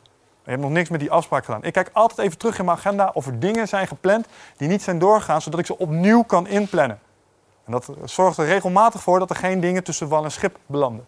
Wat doe ik nog meer? Als ik mijn agenda check, ik kijk een week vooruit. Hoeveel overleg heb ik daar? Oh, ik heb drie overlegjes. Mooi. Heb ik al een agenda? Nee. Ga ik er maar eens even een paar in de stijgers zetten. Elke vrijdag bereid ik me volgende week al voor. Wat hier niet bij staat, wat er wel bij hoort, omdat het eigenlijk bij 12 waves hoort en iets minder bij GTD, maar ik zet hem er toch even bij, is check je roadmap. Je hebt een paar dingen opgeschreven die je wou bereiken deze maand, toch? Nou, zullen we eens even kijken of we deze week daadwerkelijk voortgang hebben geboekt op die dingen? Nee? Oh, hoe kwam dat dan? Ik had er geen tijd voor. Zullen we dan eens wat tijd inplannen in je agenda ervoor? Ja, laten we dat doen. En dat brengt me eigenlijk bij eh, nou ja, het stukje van agenda. Wie doet dat wel eens? Plan je iets in voor jezelf? Ik ga hier aan die presentatie of aan dat Word-document werken. En dan popt die reminder op in je agenda. Wat doe je dan? Waarom? Kijk, ik ben nou heel makkelijk, hè? ik denk dan als volgt. Als jij een afspraak met jezelf al niet kan nakomen, wat zegt dat dan over de afspraken met mij? Ik vind dat een teken van weinig discipline. Ehm, check je projectlijsten elke vrijdag. Check je mail, maak het leeg. Maak je bureau leeg, maak je post leeg. Dat kan elke vrijdag. En dat zorgt ervoor dat je systeem up-to-date houdt. Je moet dagelijks ook wat doen. Dat is logisch. Elke dag check je je inboxjes. Als ik vanavond thuis kom, dan check ik mijn inboxjes. Ik check mijn actielijst. Ik kijk naar overgebleven acties. Ik had vandaag acties op mijn takenlijst staan voor vandaag. Ik had ze nog niet allemaal af. Als ik vanavond thuis kom, weet ik niet of ik die takenlijst er nog bij pak. Misschien heb ik wel geen energie meer. Geef niet, het systeem houdt het vast voor mij. Morgen krijg ik ze gewoon rondom mijn neus geschoven. Dit moest ook nog. Oh ja, en dan kan ik er weer keuzes over maken. Ik maak een minddump aan het eind van elke dag. Zijn er dingen gebeurd waar ik nog iets mee moet? En de truc hierbij is dat je dit moet internaliseren. Tanden poetsen en jezelf wassen, denk jij niet meer over na. Hoop ik. Ik kijk naar jullie ontwikkelaars.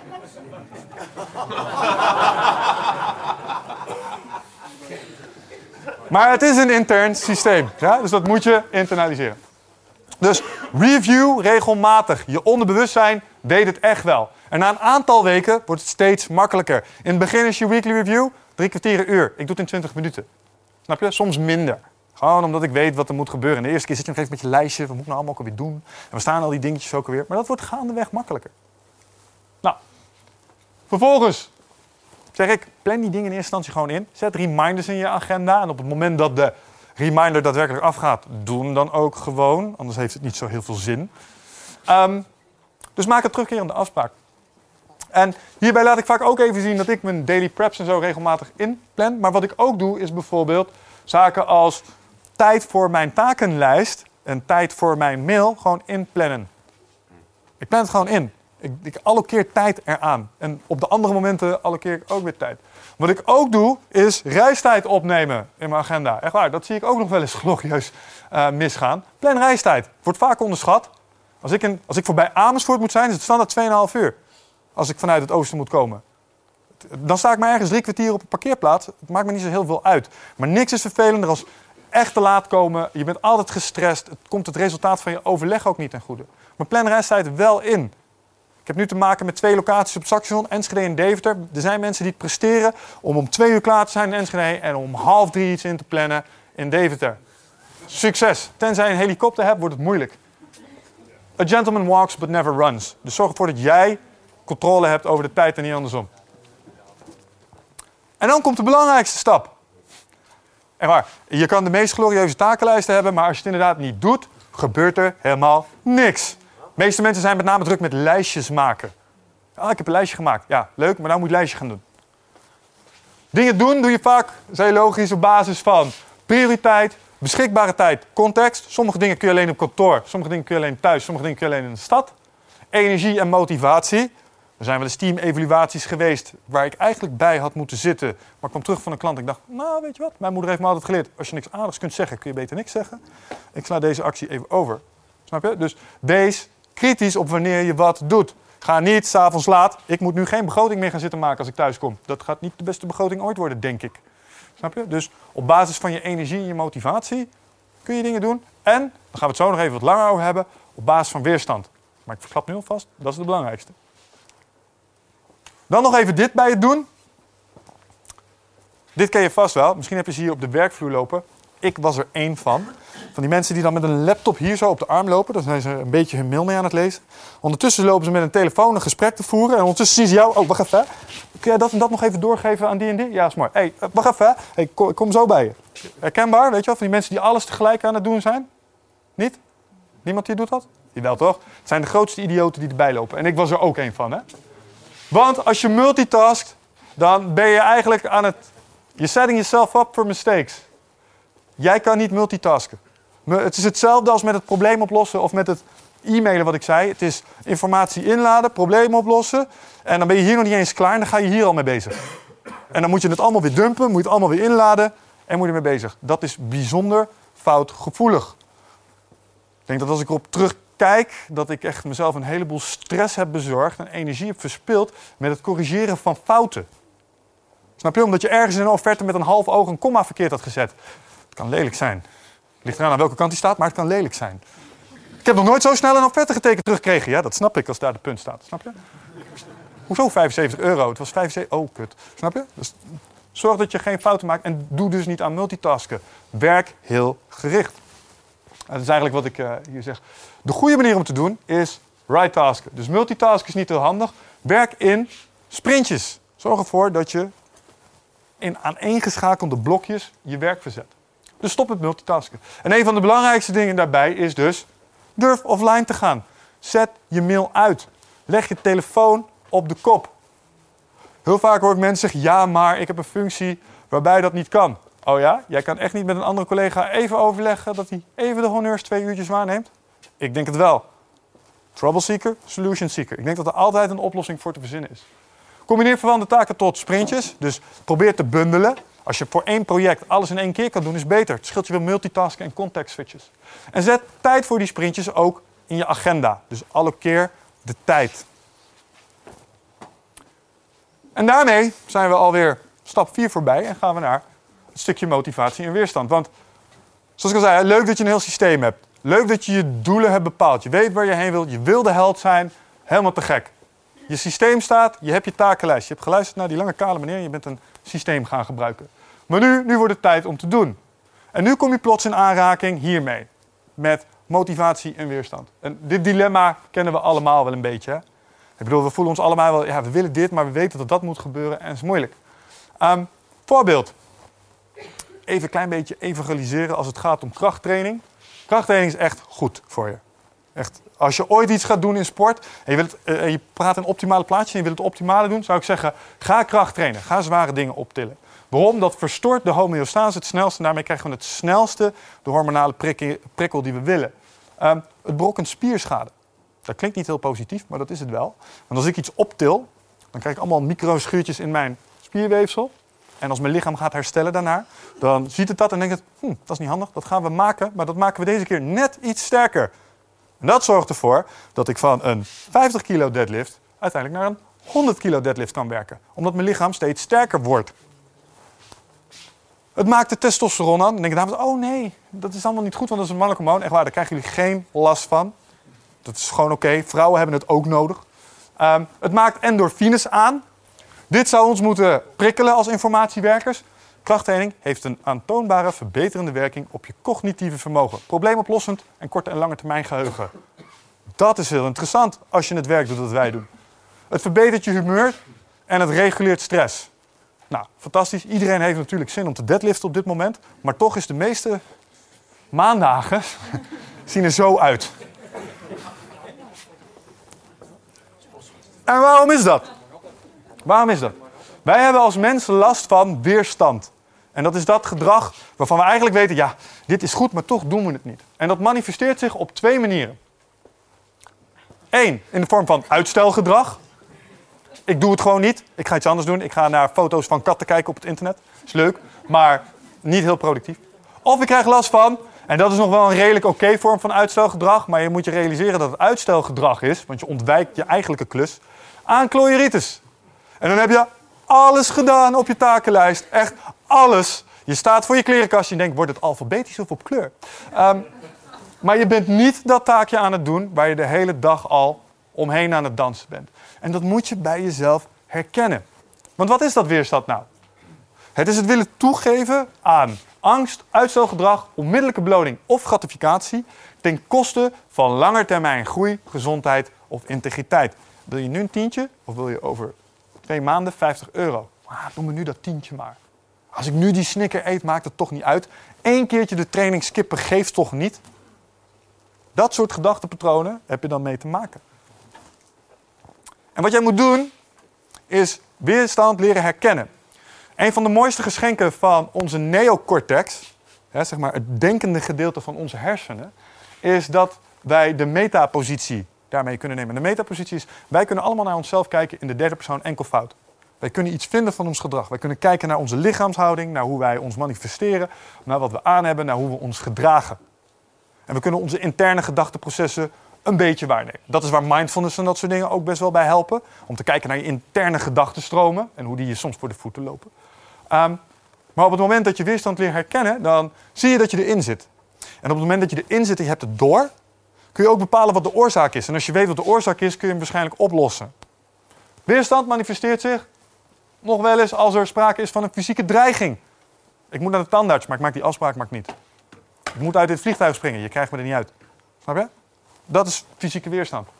Uh, een taak niet actionable genoeg is omschreven. Dus die blobs of inaction. Je ziet het staan en je denkt, ja, ik weet niet zo goed wat er moet gebeuren. Dat moet worden gesliced en diced. Dat moet kleiner worden gemaakt. Je moet nog even doorpeuteren naar het begin van het rolletje plakband. De gewenste uitkomst is nog niet duidelijk. Eigenlijk weet je nog niet zo goed het antwoord op de wat en de waarom vraag. En daar moet je dan iets langer over nadenken. Of de gewenste uitkomst ligt ver, ver buiten de comfortzone. Zou ook kunnen. En dan moet je dat ook constateren aan jezelf en dan kun je er misschien iets aan doen. Misschien kun je het iets minder intimiderend maken, misschien kun je er hulp bij halen. Geen idee.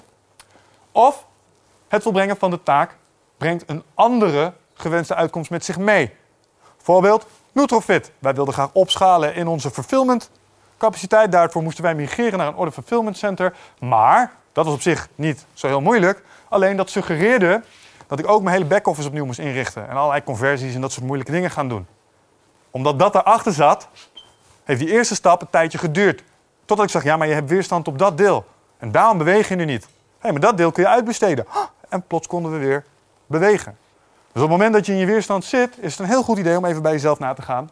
Waarom zit ik erin en wat kan ik doen om dat stukje te counteren? Zodat je jezelf weer kunt overwinnen. Een stukje mind game. Snap je? Dus die muppet die altijd in je oor aan het toeteren is om dingen wel of niet te doen, die het zwijgen opleggen. En weerstand treedt op bij een aantal situaties.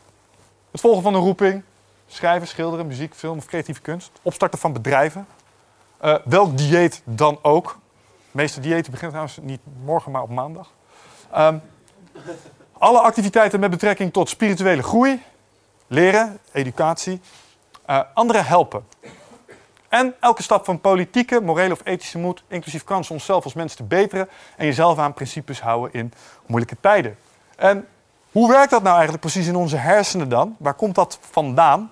Gaan we even terug naar ons krokodillenbrein en ons limfisch systeem. Kijk, wij denken altijd dat we met onze neocortex aan het kletsen zijn. Lekker rationeel met jezelf aan de praat. Ja, maar het hoeft niet. Je hebt het gisteren al gedaan en je bent al zo moe en morgen moet je ook nog wel. Eh, je denkt dat je die discussie met jezelf aan het voeren bent. Maar eigenlijk ben je in eerste instantie tegen je reptiele brein aan het praten. Want die moet zich veilig voelen, die moet eten hebben, die moet alle basisvoorzieningen moet die hebben. En op het moment dat die gevinkt zijn, dan pas gaat het systeem hogere redenaties toelaten. En dan heb je het eigenlijk altijd een beetje tegen je limfisch systeem. En weten we nog wie dat was? Dat was deze jonge dame.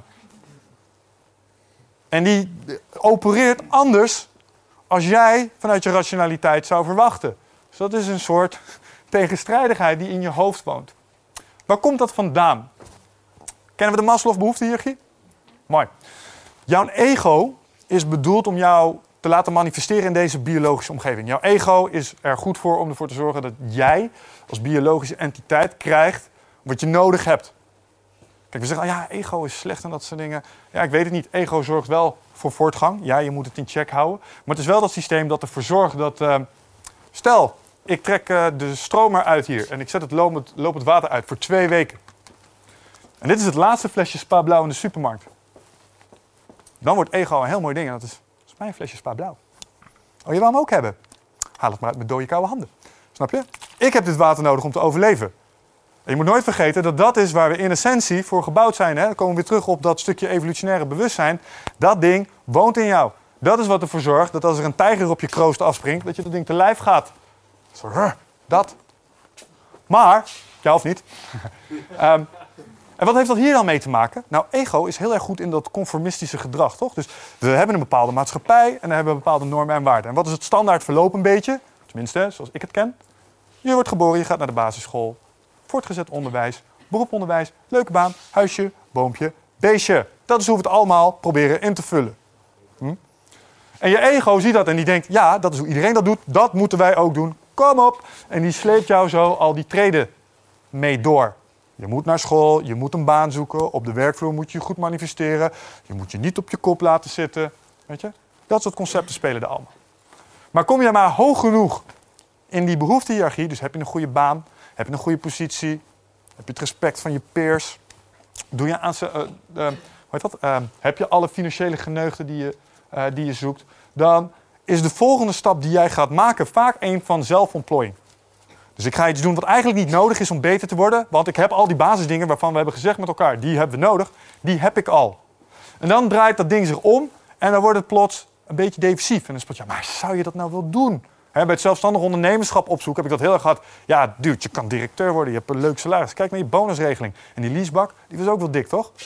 Dat soort discussies ga je plots met jezelf voeren.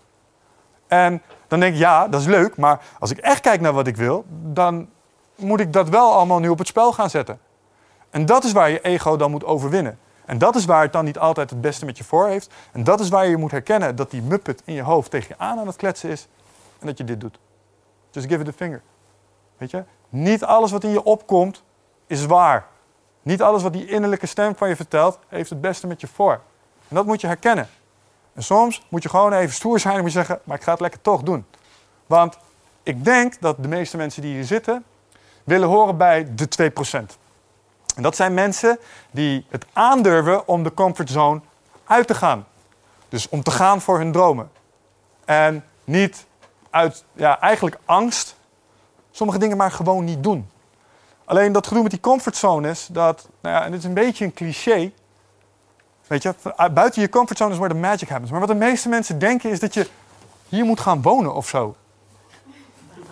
Wat is er mis met een kleine excursie? Gewoon rugtas op, even over de lijn stappen. Oh, best schijnig hier. Ik ga weer naar huis. Oh, ik leef nog. Volgende dag, klein stukje verder. En elke keer, weet je, kaizen. Elke keer 1% beter. Niet willen in één keer dit hele ding annexeren, gaat je toch niet lukken. Dus kleine stapjes tegelijk. Maak excursies. Neem je rugtas mee en denk, oh, oh, viel best wel mee. Ik heb het overleefd. En langzaam en zeker bouw je vertrouwen op. Door middel van kleine succesjes kun jij momentum genereren. En hey, toen ik eerst dit soort dingen moest gaan doen, ik best, best heel erg eng. Maar langzaam maar zeker heb ik het een klein beetje mijn comfortzone ingetrokken. En het wordt steeds makkelijker door het te doen. Dus in dat opzicht probeer je comfortzone uit te gaan op het moment dat je je dromen achterna gaat. De laatste die daarbij van belang is, is deze. Als jij weet waar je weerstand zit, en dat weet jij wel op het moment dat je bijvoorbeeld een takenlijst voor je neus hebt, want er staat één taak op, en als ik het nu zeg, dan heb je allemaal waarschijnlijk al zo'n ding in je hoofd, dat ding waar je echt geen zin in hebt, morgen, iedereen pad, die als eerst. No compromises. Geen genade met jezelf, geen smoesjes. Doe het gewoon.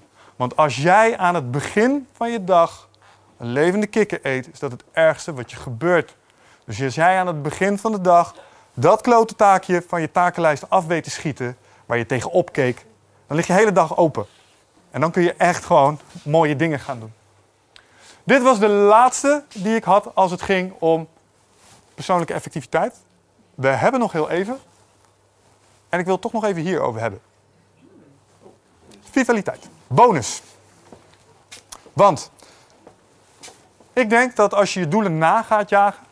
en je gaat het werkelijk met zo'n systeem werken. en je besluit ervoor: ik ga ervoor, ik word een held.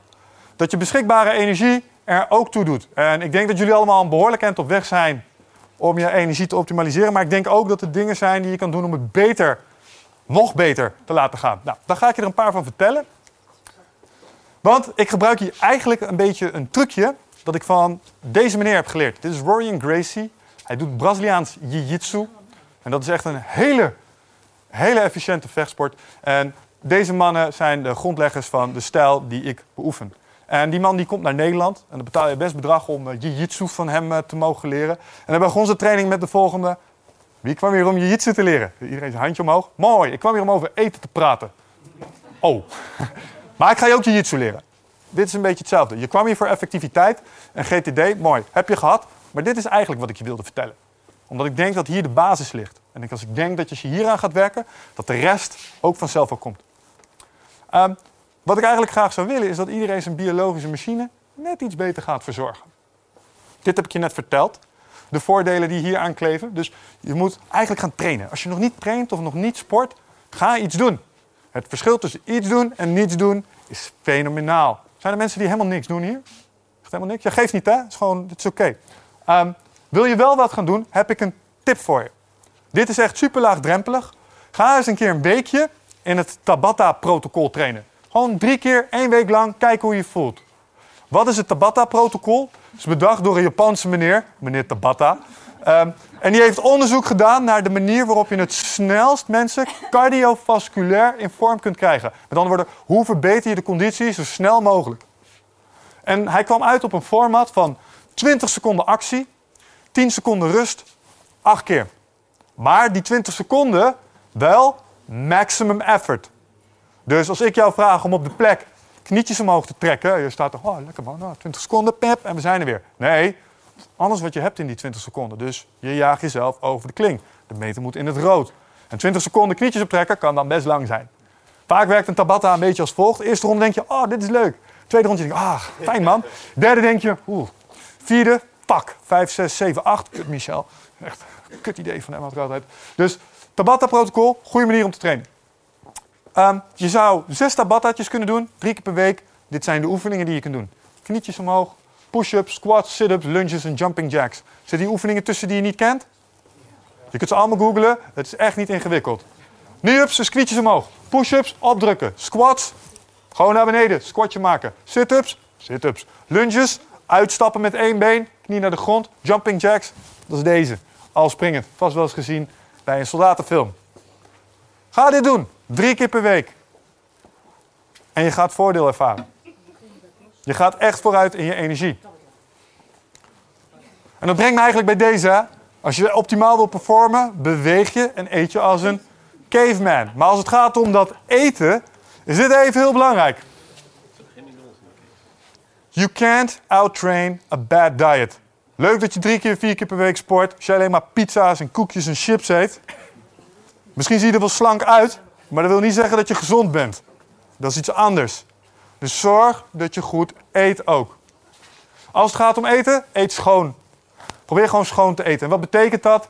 Geen suiker, geen crap foods. Wat zijn crap foods? Chips, koekjes, chocola, dat soort dingen. Eh, mag ik dan helemaal niks mee eten? Tuurlijk wel. Je mag echt wel zo af en toe eens even snoepen. 80-20. Niks aan de hand. Als je 80% van de tijd gewoon goed eet, kun je 20% van de tijd gewoon lekker eten wat je wil. Vindt je lichaam dat prima. Het is gewoon afhankelijk van waar jij goed op gaat. Maar op het moment dat jij gezond gaat eten, dan krijg je een aantal voordelen. Meer energie, een betere verbranding en daar vaak mee ook betere lichaamscompositie. Als je verbranding beter aangaat, ga je ook meer vet verbranden, zie je er vaak iets beter uit. Je opname gaat omhoog. Dat onderdrukt weer onderstekingen in je lichaam, met als gevolg dat je ook weer net iets beter werkt in je hersenen. Als het gaat om drinken, even een korte poll. Wie hier drinkt er meer dan twee kopjes koffie op een dag? Ja, nee, stoppen, sorry. Twee kopjes voor tien uur, daarna water of thee. Vruchtensapjes en eh, cola dan? Nee, niks met suiker. Vruchtensapjes, ook suikers, fructose. Jammer, het spijt me. Ehm, maar eet schoon. En eet meer groenten.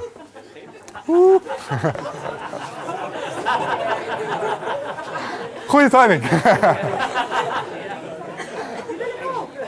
Ehm, eet meer groenten.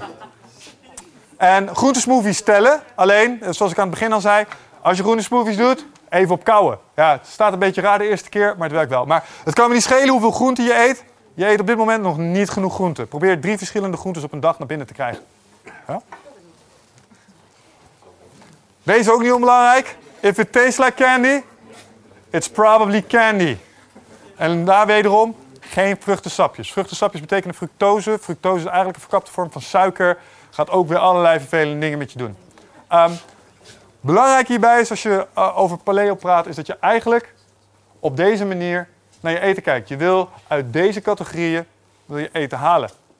Dus zoveel mogelijk uit vlees en vis, groenten, fruit, vetten, noten en zaden. Merk op dat hier bijna geen koolhydraten tussen staan. Dat komt omdat koolhydraten ons dieet in zijn gekomen op het moment dat we nederzettingen zijn gaan bouwen. Dus rijst, aardappels, brood en dat soort dingen zijn we pas gaan eten toen we zijn gaan landbouwen. De landbouwrevolutie heeft daarvoor gezorgd. Wil dat zeggen dat carbs dan helemaal slecht zijn? Want er wordt heel vaak toch wel een beetje gedemotiveerd. Nee, maar je moet je carbs verdienen. Met andere woorden, als je carbs eet, zorg dan dat je getraind hebt. Eet ze het liefst na je training of na een fysieke inspanning of na een mentale inspanning. Maar probeer niet te veel carbs te eten of alleen maar carbs te eten. Ehm, nog wel een goede daarbij is, probeer eigenlijk niets te eten wat niet kon vliegen, zwemmen, rennen, groen was of een barcode heeft. Dus als het een barcode heeft, moet je het niet willen. Als het een gezicht, een moeder en een ziel heeft gehad, it's on the menu.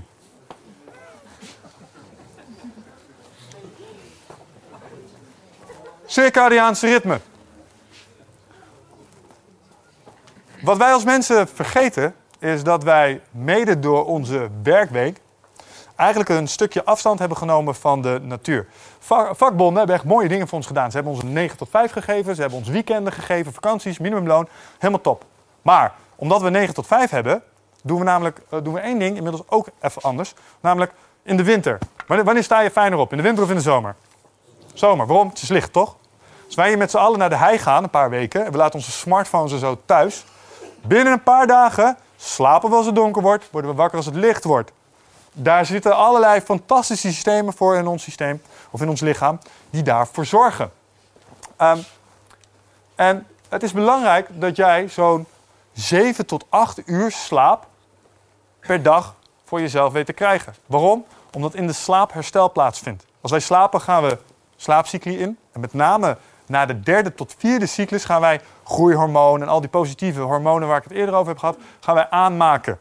Daarom is diepe slaap en ononderbroken slaap ook best wel belangrijk. Als je gestrest bent, word je vaak wakker s'nachts, pak je niet de optimale rust en niet de optimale samenstelling van je hormonen. Um, hoe kun je je slaap verbeteren? Zijn er hier mensen die 7 tot 8 uur kunnen slapen? Ja, wie redt het niet? Ja, oké.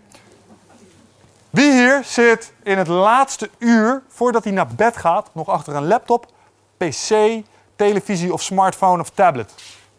Ja. Oké, niet meer doen. Maar waarom niet? Blauw licht. Blauw licht, dankjewel. Ah, ICT, heerlijk. Vaak moet ik nou even uitleggen dat...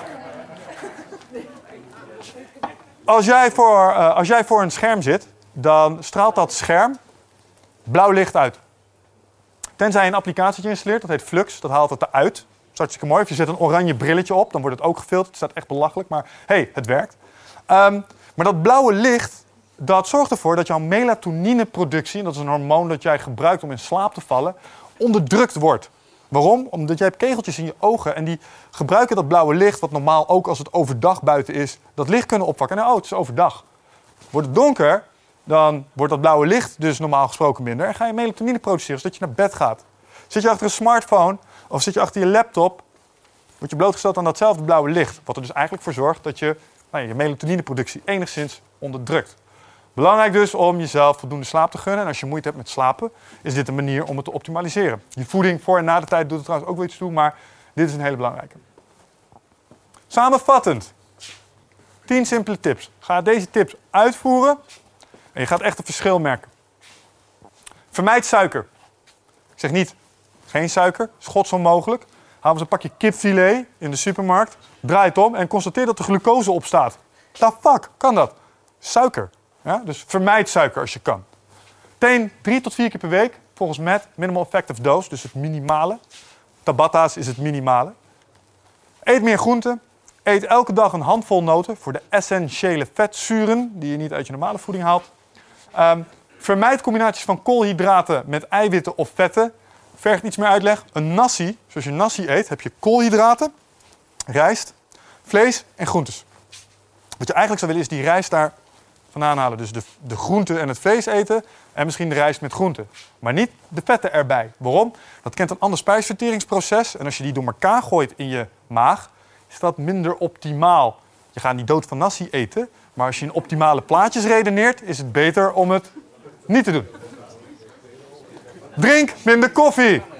En drink 2 tot 3 liter water of groene thee per dag. Supplementeer als je wil, als je wil, met visolie, proteïne, groene thee of magnesium. Maar als iemand die een webshop heeft in supplementen, zeggen wij er altijd bij: begin niet aan supplementen als je niet goed, niet goed eet en traint. Het heeft echt nul effect. Supplementen zijn voor die marge, zeg maar als je al fit bent en je wil beter herstellen van een training. Het is geen, magische, het is geen magisch toverdrankje dat je in één keer helemaal fit maakt. Zo werkt het niet. De basis is voeding en beweging. Vermijd vruchtensappen. Nou, alles wat vliegt, zwemt, rent en groen is, maar geen barcode heeft, is toegestaan. En slaap tenminste 8 tot 8 uur. Of ga om een uurtje of 10 probeer naar bed te gaan. Nou, nog een paar, doode, ja, nog een paar doodzoeners. Ehm, er is geen magische formule voor succes. Als je één ding onthoudt van deze training, is dat een systeem implementeren echt heel belangrijk is. Maar onder de streep komt het neer op hard werken. Het gaat niet vanzelf gebeuren. Er zijn geen kabouters die het voor je doen. Ik heb ze in ieder geval nog niet kunnen ontdekken. Maar onthoud ook dat wat het ook is wat je aan het doen bent, wordt niet makkelijker. Het wordt nooit makkelijker. Maar jij wordt wel beter. Kijk, een review blijft een review. Snap je? Een weekly review doen blijft een weekly review doen. Maar jij wordt er makkelijker en beter in. Uh, en dat was het eind van mijn presentatie. Ik heb aan het eind van deze sheet, of van deze presentatie, waar jullie de sheets van gaan krijgen, heb ik de boeken opgenomen die de basis hebben gevormd hiervoor. Dus als je meer wil weten over de concepten waar ik vandaag over heb gesproken, zou ik je sterk adviseren om een aantal van deze boeken gewoon eens door te nemen. Uh, want daar komt alle basiskennis uit. En dan wou ik jullie voor nu bedanken voor de aandacht.